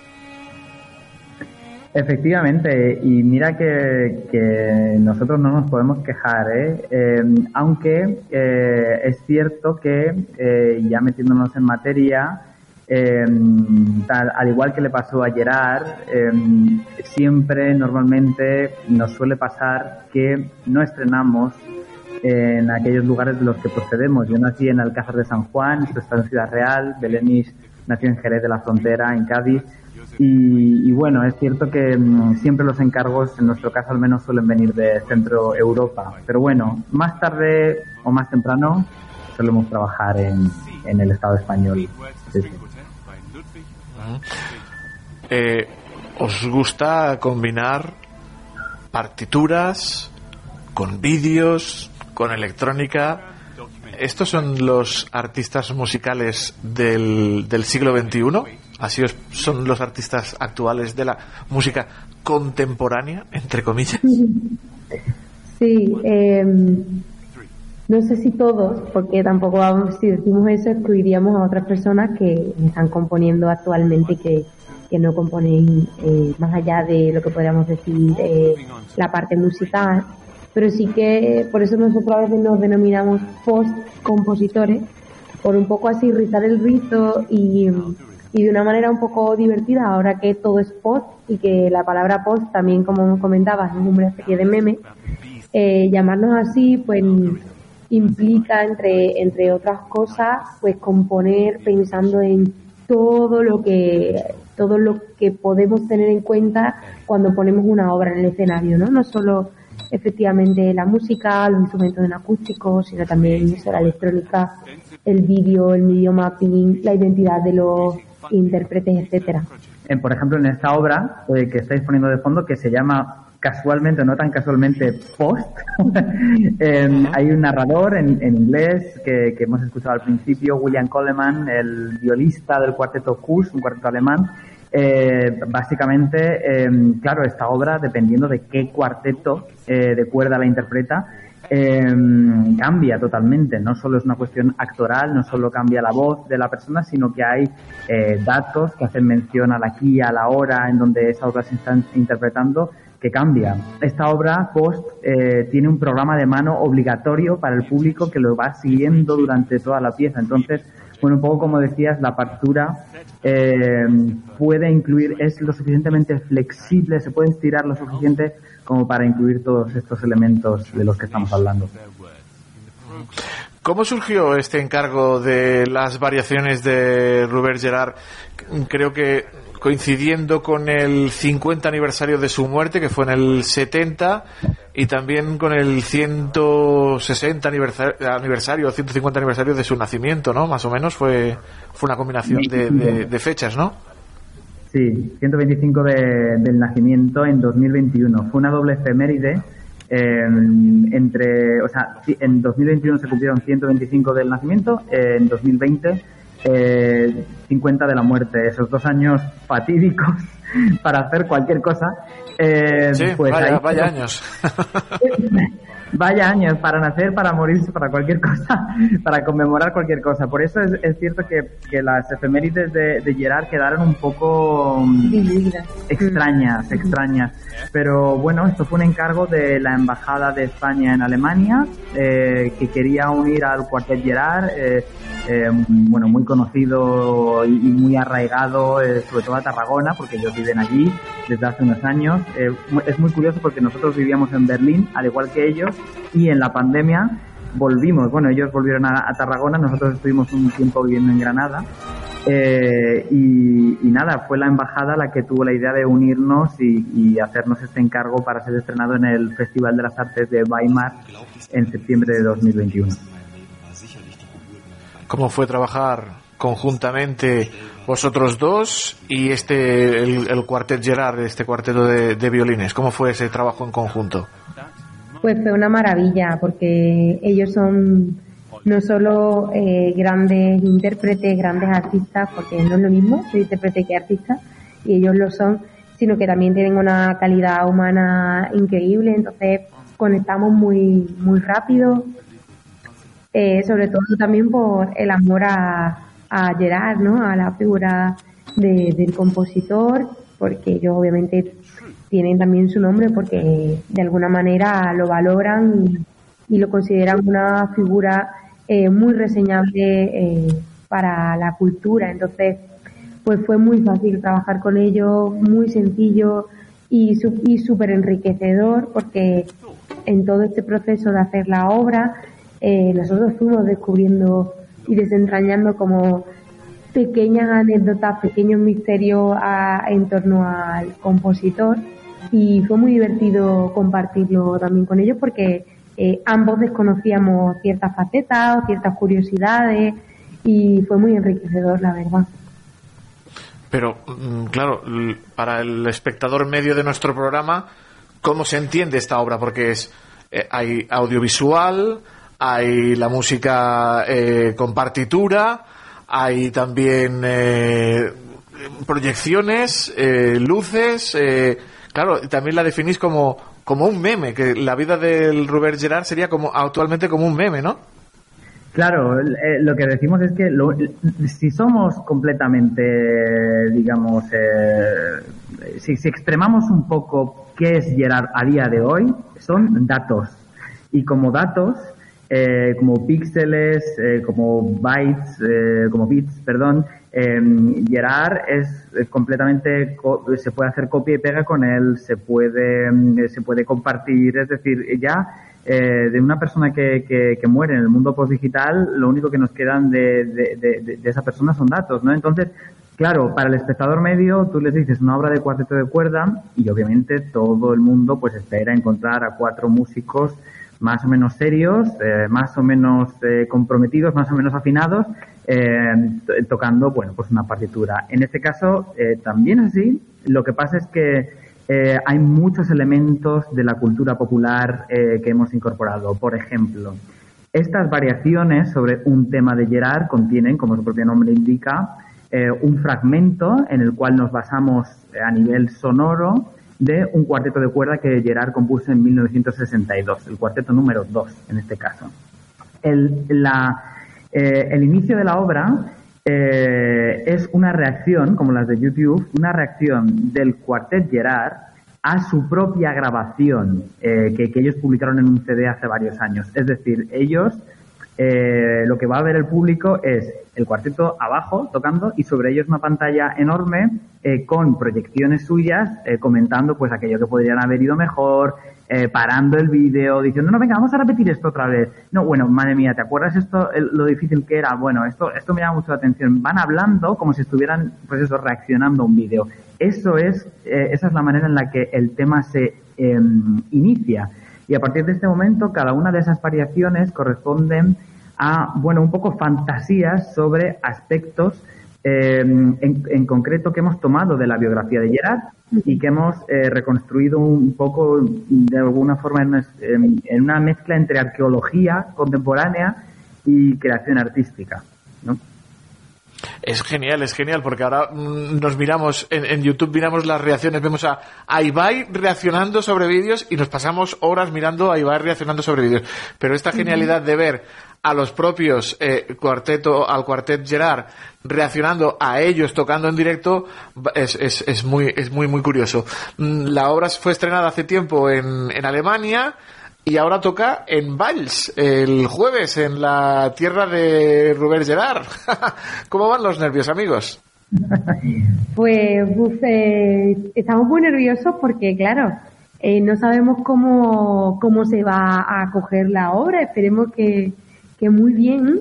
Eh, pero por otro lado también estamos súper contentos porque mm, la verdad es que se han volcado con, con nosotros. Tenían muchas ganas de que hiciéramos la obra y para nosotros es súper, súper importante que se haga en Vals. Eh, más concretamente, más allá de Cataluña, que se haga en Vals tiene un, un, un cariño y un amor y un afecto porque hay un trocito que podemos desvelar de, de dentro del vídeo en el que en el que sale Vals, ¿no? Entonces, todavía creo que tiene más carga emotiva eh, hacerlo allí y, para el cuartet también es muy es muy importante poder hacerlo digamos en, en, la casa no y volver un poco al, al origen Se cierra el círculo de, de alguna forma, pero además de verdad, esta parte en la que aparece Valls es el final de la obra. Eh, eh, entonces, bueno, eh, no queremos desvelarlo todo. No, no, Eh, Belén me está dando así un toquecito No de no lo digas, no lo digas. Por Dios, pero se cierra el círculo, eso sí que lo podemos decir. ¿Dónde estáis ahora vosotros? ¿En, en qué ciudad estáis ahora? en Roma estamos En Roma. Bueno, dejando esto de los músicos, eh, os formáis en un principio eh, tú en, Castilla-La Mancha, tú en Andalucía, luego pasáis a lo mejor a escuelas superiores en Madrid, en Cataluña, pero donde realmente se puede, entre comillas, vivir de la música es en, en, en Europa, ¿no? Es más allá de los Pirineos, ¿no? Sí, eh, por desgracia me gustaría decir que no es así y no todo el mundo es así, ¿no? No, no, no quiero decir que no se pueda vivir eh, en otros países, pero sí es cierto que el movimiento de cultura, de inversión en cultura que se desempeña en otros países, pues es algo que deberíamos envidiar eh, y, poder eh, replicarlo en, en- en, bueno en nuestro estado. Creo que sería eh, bastante importante. Y mm, en este caso estamos en Roma porque eh, eh, estoy becada como eh, eh, compositora residente en la Academia de España en Roma. Y, y tengo bueno pues la suerte de estar unos cuantos meses aquí. Y es genial pero es verdad que, que por ejemplo también en, en este caso Italia a veces también se queda fuera de esos circuitos. O sea que no sé, no sé si diríamos más allá de los Pirineos o diríamos eh, más allá de, Bueno, de, de- cierta sí. latitud. Aunque es cierto que, bueno, nuestros eh, amigos del, del cuartet viven en Tarragona y, y tocan dentro, fuera de Cataluña, en España. Hace poco tocaron en el Palacio Real de Madrid con el famoso cuarteto de Stradivarius. Eh, quiero decir que, que se puede, pero es cierto que no es exactamente lo mismo para los intérpretes que para los compositores y como decíamos al principio cuando hablamos de ser profeta o no en tu tierra pues eh, los encargos, o sea, la- las producciones, aquello que, bueno, que hace que la rueda eh, continúe, eh, pues es cierto que en, que en el, en norte, norte-centro de Europa funciona un, un pelín mejor. Hay más músculo, se puede decir. Por ejemplo, aquí en la Selva del Camp tenemos a grandes compositores, como es el caso de del Joan Magrané, un compositor de aquí de, de, la selva. También tenemos a un chelista que está viviendo en Suiza, que toca con la con la orquesta de Basilea, me parece. Eh, ¿Cómo veis vosotros el, el futuro de los músicos de nuestro país? ¿Cómo hay músculo, hay, hay ganas de hacer buena música, hay ganas de las, las escuelas están llenas, los colegios de música están llenos, pero ¿cómo veis vosotros el futuro? Yo creo que eh, no tenemos nada que envidiar a nivel educativo a lo que se hace en otros lugares de, Europa. O sea que en ese sentido deberíamos estar muy, muy, muy orgullosas de nuestros profesores y de nuestras profesoras eh, y muy agradecidos también. Eh, creo simplemente que quizá hay que hacer clic. Eh, eh, tenemos un país que es rico y que dentro de que siempre vayamos con un poco de complejo, sí que hay dinero, solo hay que intentar pues atraerlo hacia, hacia, hacia nuestro campo, hacia nuestro ámbito, eh, e intentar sobre todo, creo que es súper importante apoyar primero eh, aquellas propuestas que llevan muchos años intentándolo y hacerlo y hacerlas más profesionales, ¿no? Porque hay muchos grupos que llevan mucho tiempo, muchos ensembles que llevan mucho tiempo y seguir apoyando y luego apoyar a la gente joven para que no se tenga que ir, ¿no? Y que pueda sentir que en su ciudad, en su comunidad autónoma o en, bueno, lo más cercano posible a donde casi ha nacido, puede, puede desarrollar su talento sin tener que, ir fuera, ¿no? Al final creo que esa es un poco, un poco la pena, que las orquestas en Europa están llenas de, de nuestros músicos, de la gente que ha estudiado en Cataluña, en Madrid, en Andalucía, y, mm, y en ese sentido sentimos mucha, a veces un poco de rabia, porque el talento sale, sale fuera por no tener, por ejemplo, más orquestas eh, que sean profesionales, que son las que dan pues de comer a, a esos músicos mensualmente. No obstante, me, me gustaría decir que eh, hay, hay grupos que, mm, bueno, me, me viene a la cabeza Frames Per- Percussion, eh, es un grupo de Barcelona que recientemente ha ganado el premio de una fundación muy prestigiosa que hay en Suiza, la, Fundación Siemens eh, les ha dado el premio a, bueno, a mejor, eh, uno de los dos premios que da a mejor ensemble a nivel internacional. Es un grupo de ocho percusionistas em, que ha demostrado que, bueno, que con mucho esfuerzo, además son gente que está en la treintena, eh, todos pues se pueden hacer las cosas de manera diferente, con cariño, con compromiso por la nueva creación y los reconocimientos pues están llegando, ¿no? Ellos em, creo que tienen una presencia importante en las instituciones, bueno, en las casas de conciertos, en, sobre todo, bueno, en, en Barcelona son asiduos del Auditori, eh, por ejemplo, en el Festival Mistur. Em, pero bueno, es cierto que cuando viene una institución suiza, te da un premio de este calado eh, obviamente económico, eco- económicamente hablando va a ser importante para ellos también, ¿no? Dices, jo, es que hay muchas iniciativas que han optado por quedarse y- o por volver, eh, que bueno, que demuestran que, que, se puede. pueden hacer las cosas bien. Entonces, bueno, eh, o iniciativas como esta de, de, la, de la obra de Gerard. Em, creo que lo que el público va a ver es un Gerard diferente, un Gerard, mm, bueno, una inmersión a lo que fue, a lo que podía haber sido eh, la vida de Gerard, eh, por ejemplo, si no hubiera estallado la guerra civil. Y en fin, eh, apostar por la nueva creación también es apostar por maneras diferentes de, mm, y más ricas de saber quiénes somos. ¿Estaréis el jueves los dos en, en Valls? Sí. Sí, pues dos recomendaciones. Eh, una calçotada. Valls, tierra de, tierra de calçots. Vamos, eso es una locura. Y la segunda, que visitéis el, el nuevo museo de- del Casteller, del Mont Casteller. Sí, sí, sí, sí. Tenemos Sí, que hacerlo. Nos lo han dicho hoy que, que se inauguró hace muy poco, ¿verdad? Sí, sí, hace, hace como que, que un un par de meses y, y podréis sentir en, en, en vuestra piel como si fuerais castellers. Hasta os pondréis la, la faixa y todo, ya, ya lo veréis. ya Qué bien, qué bien. Aunque tenemos que decir que la calzutada no sería la, la primera, ¿eh? que ya, No, que ya no, hemos no. insistido. Me refiero en, Ya, ya, ya me lo imagino, ya me lo imagino. Como buenos músicos también tenéis un buen saque. y si habéis estado por Cataluña, pues... Pero como las calzutadas en Valls, uy, uy, pocos lugares en el mundo. Eh, no sé si no sé si deciros mucha mierda, Oscar y Belenis. Sí, Sí, hombre, claro que está sí. muy bien. Dicho. ¿Siempre? Sí. Siempre. Pues Oscar Escuredo, eh, Belenis Moreno Gil, muchísimas gracias y mucha mierda. Y feliz año.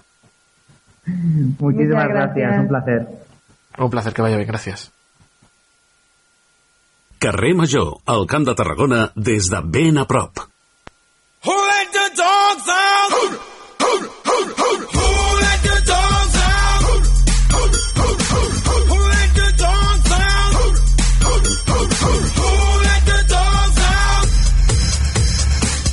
The party was nice, the party was pumping. Hey, yeah. And everybody having a ball. Hey, hey, yeah, yo. Until the fellas started in calling. És, és, és més viatgera. Arriba el Nadal, amics i amigues, una època de l'any on les mascotes tenen molt, molt de protagonisme. De sobte, a casa, el Pare Noel, el tió o els Reis d'Orient porten de regal un nou habitant a la llar. I aquest habitant és ben diferent, és pelut i no parla el nostre idioma. Però cal recordar que no és una joguina, sinó una vida i una gran responsabilitat. Per parlar d'aquest tema tan delicat tenim, com sempre, a la nostra veterinària de capçalera, la Maribel Martínez, que la veiem al volante del, de su cotxe, del, del seu uh, mòbil. Maribel, bona tarda. Hola, molt bona tarda. Què tal? Com estàs? En marxa. En marxa, com Bé, sempre, escolta. Sí que, sí que. Ma Maribel, un gos, un gat, un conill, un lloro, una serp... No són una joguina, veritat? No. Un, un ésser viu no és ni una joguina ni un regal. Ni un regal, eh? Perquè realment hi ha d'haver molt de consens, hi ha d'haver molt, molt molta reflexió prèvia, moltes coses que, que si, si fas aquest tipus de regal és, és més que probable que, que alguna cosa falli que amb això no vull dir que falli sempre i que potser algú de, que ens està escoltant té un, una bestiola que li van regalar un any per, no sé, per Nadal o per Reis o per Papà Noel o el que sigui i, i l'ha tingut un munt d'anys i tot està bé, però um, són, són casos bastant puntuals. La realitat és una altra. El que el nen o la nena s'encapritxi de que vull un gos, vull un gosset, vull un gosset i els pares perquè calli, entre cometes, o perquè la nena estigui contenta o el nen estigui content, li compren i arriba després els problemes i els mals de cap, no?, a, a cases. Bueno, és que això... Mira, això et faré un símil i, i a veure què sembla, això. Mira, um, uh, abans de, de tenir una bestiola, to, tots els components d'una família i, i, i bueno, tota la gent que viu allà en aquella casa s'han de seure un dia i s'han de posar d'acord mm, amb quin tipus de vida porten, qui- quin temps li podran dedicar a de sol. La, veritat és que abans de tenir una bestiola has de pensar potser el que faràs els propers 10 anys de la teva vida i, i perquè és més o menys el que, el que, de mitja el que poden durar, d'acord? Llavors, els propers 10 anys de la teva vida, ara em direu, pues no, pues, pues, hòstia, això no ho sap ningú, el que farà els propers 10 anys de la vida, però, però bueno, almenys t'has de plantejar què, què passaria si els propers 10 anys canvies coses de la teva vida, canvies ara està molt de moda, eh? pues, pues anar-se'n a estudiar fora, o anar-se'n a treballar un temps no sé on, o, o jo què sé, o, o si és possible que puguis haver de canviar de feina, de casa, mm, totes aquestes coses, vale? que si tindràs, jo què sé, per dir alguna criatura, tot s'ha de sospesar tot. I llavors, mm, mm, una vegada ho tens tot sospesat, pues, decidir si dones el pas o no dones el pas. I, i a ningú se li ocorreix, no?, pensar, bueno, mira, saps què, és igual, no? tot això no ho penso i després en funció de com em vagi la vida i com em vagin els canvis, ja decidiré. A què quan decideix una família tenir un fill, pensen, vale, doncs a partir d'ara les nostres vides canviaran i, i haurem d'anar adaptant tot i, i, i ja que en cap cas penses, bueno, si la cosa no va bé, ja el donaré. Ah que no? Ja ah el que no? tornaré, O ja- ja el portaré no, a una protectora. Ah que tampoc? Exacte. No, no. Doncs ja està.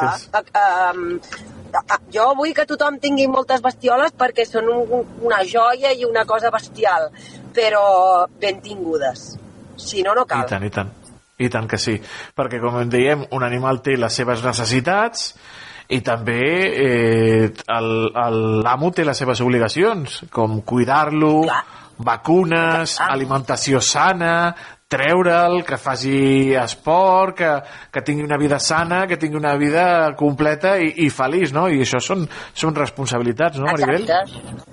I si no, no t'hi posis. I, i després també s'ha de tenir en compte això, que, que el primer any de la vida és, és, és costós, econòmicament és costós, perquè és l'any que, que, bueno, que es posen totes les primovacunacions, es posa el microxip, s'ha de fer l'assegurança, eh, s'ha d'esterilitzar, són, són un munt de... Els pinços de cadells són molt cars, i, i, i penses, bueno, pues si no ho faig amb un més, més bo, pues ja escatimarem una mica. Bueno, però sempre, escolta, que no és obligatori. I que si ho fas, fes-ho bé. I que si no ho has de fer bé, no ho facis. I ja està. N'hi ha que diuen, no, doncs l'adopto de la protectora. I a la protectora ja me'l donen microxipat, vacunat i esterilitzat, vale. I si quan fa tres dies que el tens es trenca una pota i l'has de portar a una, a una cirurgia de trauma, 500 euros no te'ls treu ningú. Que els tens, Mhm. que tens manera d'aconseguir-los per si passa. Tot, tot, s'ha de sospesar tot. I és superimportant, això. Perquè si no, no cal que ens hi posem, que jo és el que li dic a tothom. Escolta, que tenir gos o gat no és obligatori. No és obligatori. Llavors, si ho fem, ho fem amb tot. I si no, no ho fem. I sempre, si la balança cau cap al costat de fem-ho, si és possible, adoptar millor que comprar, no, Maribel? Bueno, amb això jo sempre dic que, que hi ha un mercat per cada tipus de, de bestiola. I, i, I en molts casos, això ja ho hem comentat alguna vegada, uh, uh, jo què sé, depèn, depèn del tipus de vida que portis, depèn de la casa que tinguis, depèn del temps que tu t'hi puguis dedicar per ensinistrar o educar aquest bitxo. Mm, mm, Adoptar un, una bestiola a- en una casa, per exemple, que hi ha criatures petites, pues és arriscat, diguem-ho així perquè, perquè, bueno, perquè potser et surt un bitxo la mar de bé, però potser aquest animaló ve d'un lloc on ha tingut un trauma de lo que sigui i potser en una casa que hi ha crius com que l'educació ja no serà la, la més idònia perquè, perquè les cases que hi ha nens doncs tot va una mica així perquè un li diu una cosa, l'altre li diu una altra, tothom s'espera i a lo millor no, no el podem educar tan bé com nosaltres voldríem perquè tot estigui correcte, perquè aquest bitxo ja porta igual un, alguna experiència que li ha marcat la, la manera. Llavors, jo crec que, mm, mm, que, és que adoptar un cadell és complicat, perquè els centres de protecció el que ja són normalment adults. Sí. Adoptar cadells és complicat. Mm, Llavors, doncs, bueno, que, comprar si compres una, una bestiola amb un criador d'una raça concreta que sempre tenen uns trets característics concrets que potser és el que tu estàs buscant, doncs tampoc no és una mala idea. Mm, Ja et dic, és, hi ha opcions per totes les, per totes per tots els gustos i per totes les necessitats. I també, Maribel, que tinguin en compte la nova llei de protecció de l'animal, amb articles També, com aquest. també. La Aquesta venda d'aquest... és- Alerta, alerta, mira, escolta, escolta Ara que no, no es poden regalar ni, ni, ni conills, ni xinxilles, ni totes aquestes coses que, que, que, bueno, que avui he sabut que encara hi ha, que hi ha llocs que encara en venen perquè els hi han donat un any de moratòria perquè tenien totes les instal·lacions Ah. preparades i no sé què, i per lo que m'han dit, eh, encara durant un any es podran vendre. Bueno, mm, mm, pues que els venguin, però... Però és que aquests bitxitos, Va, pobrets... A, aquesta, aquesta llei s'adapta segons les necessitats, eh? perquè diuen la venda, prohibida la venda d'animals que no estiguin identificats, que han d'estar al nom del venedor, i en el cas de no tenir un identificador individual, només es podran vendre en botigues d'animals de companyia. Mare de Déu, senyor, que complicat tot això. O la venda no, d'aquests no, animals... la veritat que és, és molt difícil. És, eh, tens que llegir-te-la 40 vegades per entendre-la una mica bé, eh? Fins i tot nosaltres, eh, els que ens hi dediquem. Perquè aquesta llei, doncs mira, l'han elaborat no sé ben bé qui, no sé ben bé on, i no sé ben bé des de quines perspectives i des de quins coneixements, eh? La veritat és aquesta.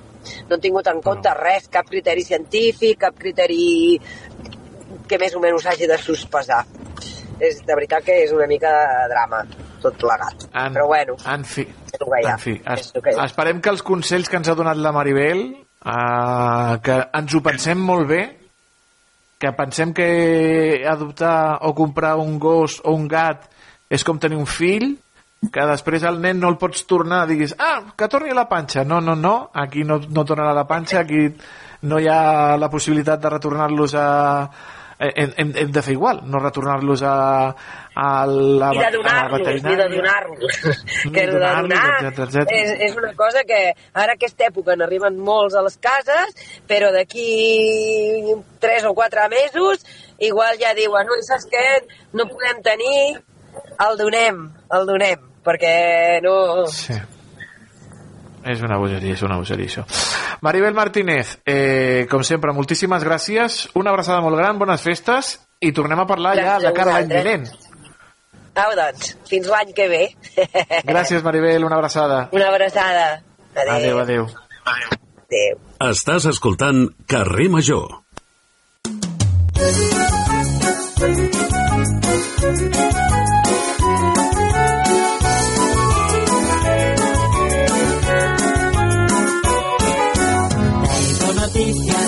Todos los días, debo informar lo que pasó. Soy periodista, traigo noticias, datos del tiempo y la información. Hoy una nube le dijo Ai. al sol. Antonio Mellado, espera, que giro la càmera perquè et vegin. Antonio, què tal? Hola, què tal? No, no vull que em veieu. Avui l'Antonio ha vingut cap a la port, cap a l'estudi de Ràdio La Selva i no s'ha trobat guió. No, no tinc res, bueno, hi ha, hi ha aquí un, uh, un, un tovalló. No, no, el tovalló aquest no és per tu, Antonio. És que avui els Toni serà una secció curteta i especial perquè volem parlar dels Premis Joan Marc Salvat. Ah. L'Antoni, amics i amigues de Carrer Major, a mi no m'havia dit res fins al mateix divendres. I tenies coses a fer i no vas poder venir. I tenia... Clar, si jo arribo a saber, Clar, me clar, compro el, el, ma- el, li dic a la del Matalàs, escolta'm, eh, ja vindré a buscar-lo demà, però clar, l'havia d'anar a buscar divendres. A la... Què va passar divendres, Antonio? Que et van, a banda de, de, de, dels Premis Joan Marc Salvat, entre els premiats hi havia l'Andreu Rauet, Sí, Salvatà, també. Salvatà, el primer premi, hi havia la nostra estimadíssima Anna Fortuny, premi Exaequo, segon premi Exaequo, també hi havia el... L'Artur Bages. Artur Bages. Pel podcast Molt de Show. Molt de Show. De la nova ràdio, col·laboradora de Carrer Major, també. Correcte, però el premi a la trajectòria li van donar a este senyor d'aquí. Doncs sí, eh, molt agraït que em reconeguessin la feina. Felicitats, Antonio, felicitats. Moltes gràcies, Toni Mateos. Doncs sí, el que deia, doncs agraït no, que em, em reconeguessin una mica la feina que estem fent des dels mitjans locals, perquè a vegades som els grans incompresos, els mitjans locals, però alhora som els més necessaris per explicar el que està passant doncs, a, a, com a més pròxim millor. I doncs això doncs, em va fer molta il·lusió que, que doncs, eh, em distingissin per la trajectòria professional pel fet d'haver assumit ara el càrrec de Canal Camp i de Ràdio La Selva, cosa que, bueno, porto mig any ja i bé, tenim alguns projectes en ment que també es van dir en l'acte i, i bé, doncs eh, a seguir treballant, no? Perquè això, bueno, és, una, és un reconeixement necessari, però s'ha de seguir, s'ha de seguir treballant amb un pas de formiga i alhora, però, deixant-hi bastant la pell, perquè és un ofici que és molt vocacional, també. Qui t'ho va dir? Qui et va trucar eh, de, de la, de, d'això? Et van dir, escolta, Antoni, hem pensat en tu. Dius, ostres, Sí, eh, van pensar en mi, em van- m'ho van comunicar i, clar, primer doncs te, te, te sobta una mica, no? Dius, ostres, i jo m'ho mereixo, però sí, Toni, ens ho mereixem, ens ho hem de creure, Sí, perquè si va. no ningú, ningú ens ho dirà. I, i res, doncs em va fer molta il·lusió i, i sobretot que se'm reconegués també en els Premis Joan Marc Salvat, perquè doncs, jo crec que els Premis Joan Marc són, eh, són els principals premis per reconèixer el talent periodístic d'aquí les nostres terres i bé, mm, jo crec que que va, va estar molt bé, va estar molt bé, Toni. Home, uh, tu vas ser el primer guanyador dels primers Premis Joan Marc Salvat? Sí. Fa uns quants anys vas guanyar tu? Sí, sí, sí. Ara, tant uh, a la trajectòria, uh, um, perquè ja als, als 27 anys ja, ja, ja, ja han passat, no, Antoni? Sí, han passat, ja. Ja han passat, eh? D'aquí poc seran 27 anys cotitzats. que això passa molt ràpid, eh, la vida. Quin mal me va fer aquest comentari. I, i, i bueno, ens ho va fer un company d'aquí de Canal Camp. Sí, sí, sí. Escolta, Va fer, va fer molt de mal. I, bueno, una, una entrega de premis eh, molt bonica, molt sentida. També on es va parlar del, del futur del periodisme jove amb dos mitjans desapareguts, com eren... Sí, eh, recentment. La, La Nord-Oest, la, la, Nord-Oest revista de Reus, i el Fet de Tarragona. Vam tenir els seus dos principals impulsors, el Francesc Domènech i el Ricard Laoz, i van tenir una conversa molt interessant, moderada per la Edel Martínez, també periodista d'aquí, Camp Tarragonina, i van estar parlant una mica sobre la salut del periodisme, les oportunitats que es presenten en sortir, i la necessitat també d'anar buscant nous formats i noves narratives per poder doncs, perpetuar el periodisme. Va ser una xerrada molt interessant i, i ells van ser doncs, els padrins de l'edició d'enguany. Mhm. I al final amb la música de l'Olga Pes Ai, sí, quina sorpresa, eh? Eh? Jo l'Olga Pes li vaig perdre la pista fa un temps i gràcies al concert de l'altre dia vaig, vaig seguir escoltant-la una mica. És un- una, una noia, ostres, que en sap molt i va oferir un concert doncs, molt, molt diferent al que estàvem acostumats en els, les últimes edicions dels Premis Joan Marc Salvat. Però és que al Joan Marc li encantava la música tot tipus. i de tot tipus, o sigui que aquí hi tenia més que cabuda la- l'Olga Pes. Antoni Mellado, eh, no et robem més temps, et deixem que tornis a la feina. Eh, De nou, felicitats per aquest eh, premi de reconeixement a la teva trajectòria, que no ha fet res més que començar, Antoni. Ets un pimpollo. Ja, ja fa temps, eh, Toni? Ja fa temps. Ara ja, l'any que ve ja faig xifra rodona i ja fa una mica de, de vertigen. Eh, per cert, eh, amics de la Nova i amics del Reus Digital, premi pels, pels tonis, pels, pels, pels, pels propers Ho presentem l'any que ve.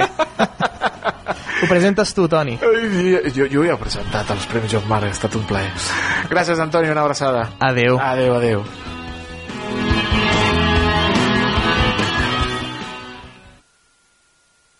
El valor del camp de Tarragona. Carrer Major.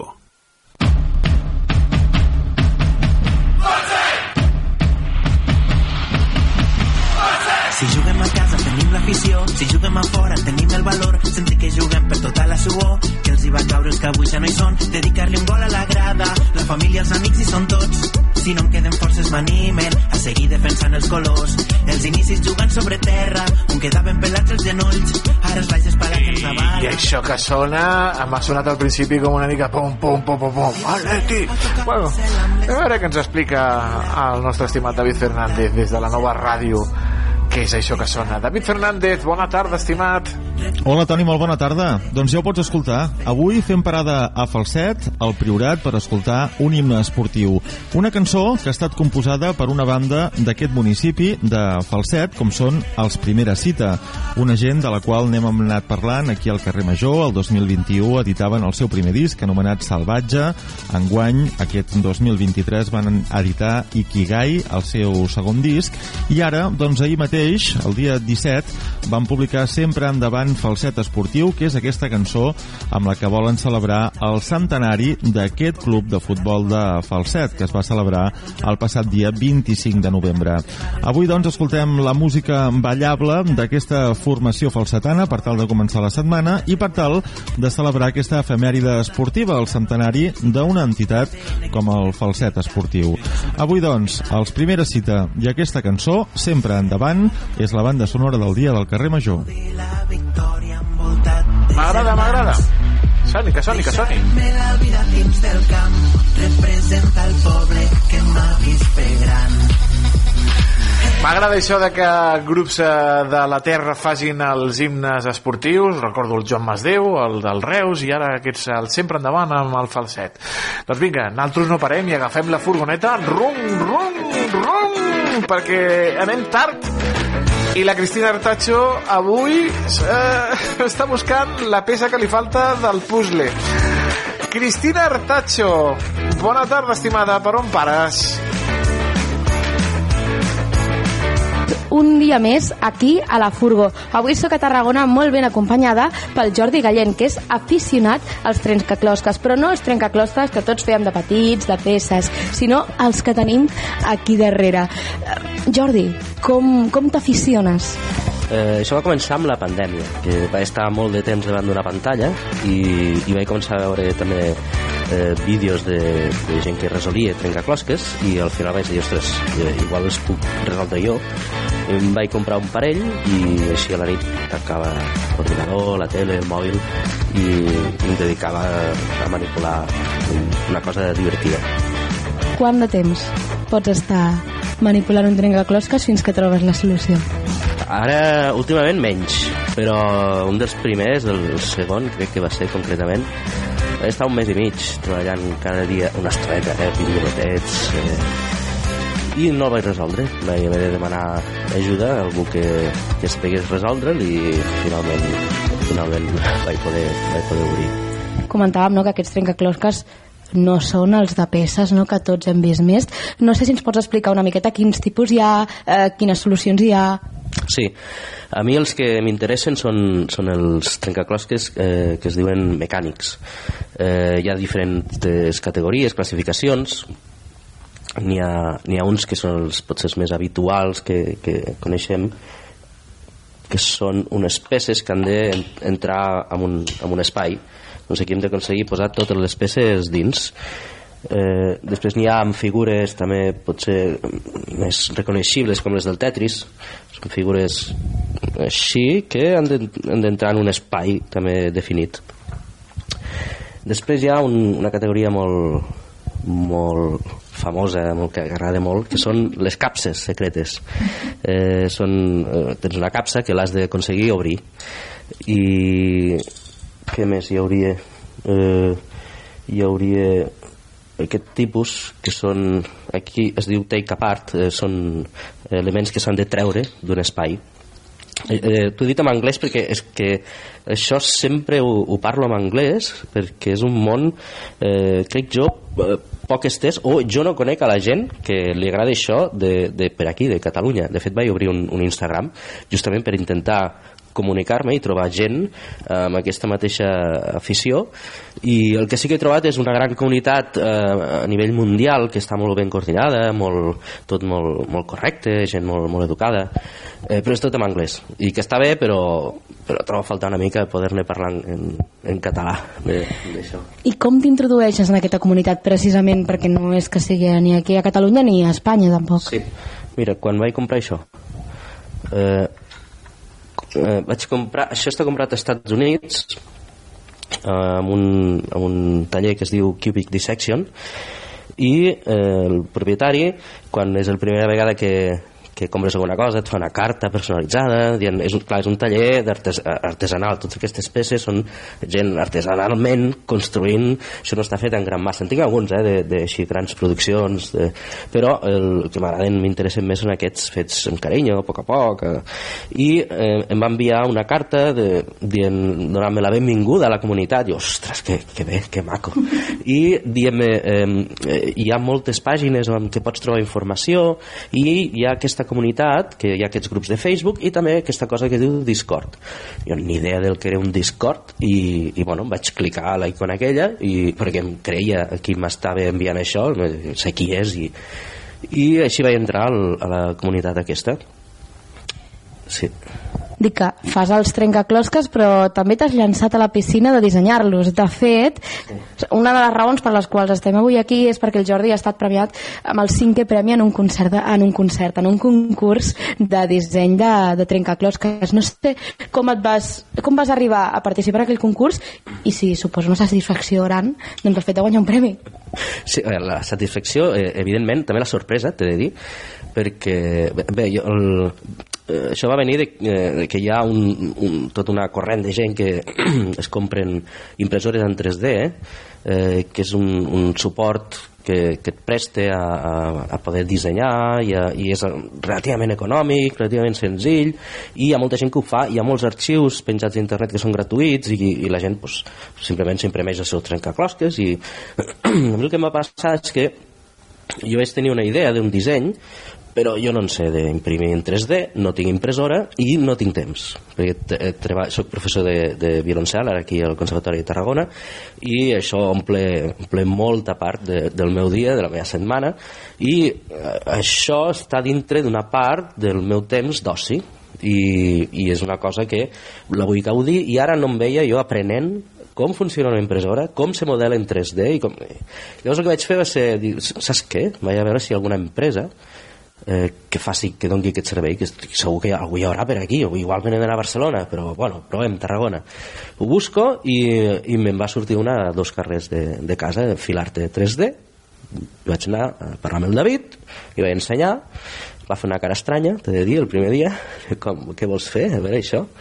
I, i finalment doncs sí, eh, va, va fer el primer modelatge va fer la primera impressió que no va funcionar després ho vam modificar bla, bla, i vaig aconseguir fer-ne un per mi que és aquest. Aquest va ser el primer, el primer que vam que vam construir. I quan el vaig tenir fet llavors vaig pensar, ostres, deixa'm-ho compartir amb gent que tenen impreses 3D i, i que se'l puguin imprimir per, per a veure què en pensen. El vaig compartir i eh, els va agradar i, de fet va haver un, un tester, un senyor a, a Bèlgica que és un gran col·leccionista que em va anar animant per a fer-ne per a fer-ne més i n'he fet, fet quatre d'aquest tipus, cinc dissenys eh, i, és com vaig, ell mateix m'ha dir ostres, és que això està, està prou bé eh? com, com per a si vols presentar-lo al concurs. I vaig pensar, però, però què dius? Diu, sí, sí, tu presenta, ja veuràs. I el vaig presentar i va entrar al concurs que era, el que jo la meva aspiració era això, que entrés simplement a concurs. Evidentment, va eh, evidentment no va entrar a concurs, que em vaig quedar eh, a quadros i el, evidentment després no va guanyar res perquè jo em, em dedico a la música. I això, doncs, bueno, està bé el que va passar és que llavors vaig tenir una, una idea que resulta que va ser bastant bona i, i vaig tenir el temps i, i, i les ganes de, de desenvolupar-la amb el David. I bueno, va portar set mesos de, de treball. Clar, com que és una part de, del meu oci i del meu hobby no hi ha cap pressió de, de temps ni de doncs, bueno, si són dues setmanes o set mesos doncs no, no hi ha diferència. Mentre m'ho passo molt bé i, i, i és la meva part de, de, de vida d'oci que, que la dedico a això. I això va ser amb aquest disseny aquest disseny d'aquí que és el Albus i que té dos parts, té aquestes dues parts la... i bé no, no us ensenyaré massa les intimitats d'aquesta de, d'aquest- però igual una mica alguna part eh, aquí hi ha peces que veus que es mouen una mica i que es mouen. Quin és l'objectiu d'aquest trencaclosques? L'objectiu te l'explico l'explico aquí amb, a la targeta. El primer objectiu és trobar la vareta màgica. Vale. I després hi ha més instruccions eh, dins del bagul. Però clar, el bagul està tancat. Llavors el que et forço és a trobar la vareta màgica i que després aconsegueixis obrir el bagul. I amb això ja t'estic conduint a que això d'aquí ho deixis per després i que et centris en, en el bus i que aconsegueixis obrir alguna cosa o trobar algun algun element que es pot sentir per aquí dins. Pràcticament un escape room fet, Sí, fet sí. realitat, fet, Sí. fet trencaclosques, no? Els tipus escape room in a box, això existeix, no són exactament com aquests, però sí que té aquesta, el, el, el que té és que eh, és un element que no és d'una sola categoria, que és un híbrid, que això, aquí dins hi ha molts tipus diferents de trencaclosques. Eh, també hi ha aquests, aquí dins aquestes finestres són perquè aquí hauràs de posar-hi unes peces en algun moment que trobaràs molt probablement aquí dins també la manera d'obrir el, el calaix el, el cofre aquest eh, doncs té la seva gràcia és un altre tipus de, se diu sequential discovery de descobriment seqüencial on trobes unes eines que t'ajuden a, a, pues, a desbloquejar algun, alguna cosa i a seguir. El, i el que, va, el que eh, em, trobo jo que, que va sortir bé que per això el vaig compartir és que vaig trobar un fil conductor que més o menys tenia sentit perquè al principi era un caos d'elements i, de, i quan vaig trobar aquest, aquest discurs és, és quan vaig dir, ostres, va, compartim-lo. El vaig compartir amb, amb una gent de Praga fent una festa perquè pensava, ostres, és que això em costa molts calés a mi. Clar, jo li demano al David que m'imprimeixi, li pago al David, evidentment, i em costa molts calés d'imprimir. Dic, però si ho envio a una festa on hi hagi molta gent, doncs mira, tots alhora se poden anar compartint i, i el que va passar és que allí eh, hi va anar eh, un dels, de, des del jurat del concurs de l'any passat que li va agradar molt i ho va compartir amb la gent i ostres, mireu aquest disseny que... i, i bueno, a partir d'allí va anar corrent que, que era interessant que... i així va ser que al final dic, pues aquest també el presentaré al concurs i el vaig presentar i mira, va, va ser el cinquè. El, el, el tipus de, de classificació dels premis és una mica estranya eh, en aquest concurs.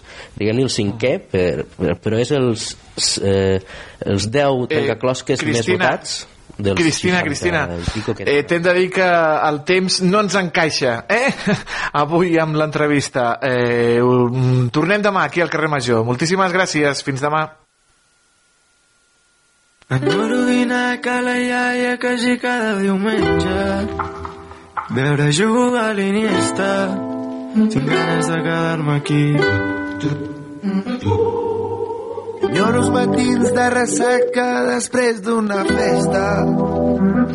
Avui fa tempesta, tinc ganes de quedar-me al llit. Ja no podem fer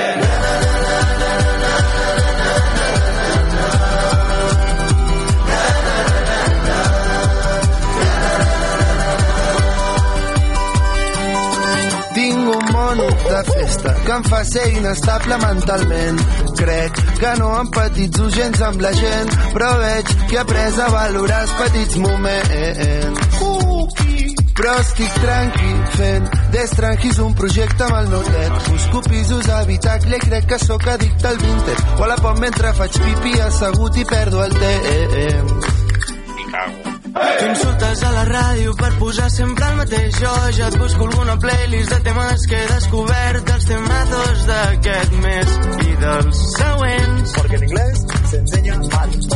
Les finestres baixades som tu i jo i la Golden Hour un sol que et pica la cara i una musiqueta suau són les 10 de la mañana i em pregunto si vindràs i em dius que no. Nena, saps que tinc un grup? Toco els tiets. Què? De tiets. Un grup de què? De música. Ah, Sí, de, de, de música. potser és que el trap català no... No... No.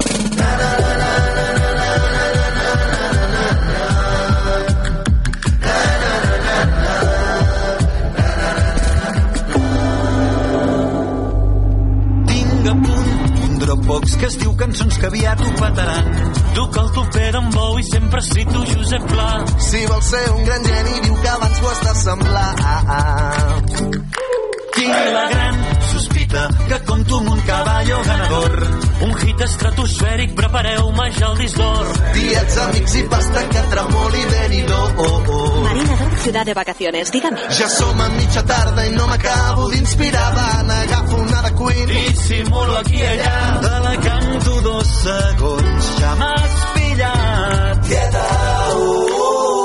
Sóc un fracassat. Ho engegaré a la merda tot. Sort que hi ets. Que tinc a tu. Que quan em veus amb el cap cos. Sempre vens, m'abraces fort i a cau d'orella amb mi. Tranquil, no passa Tranquil, no passa.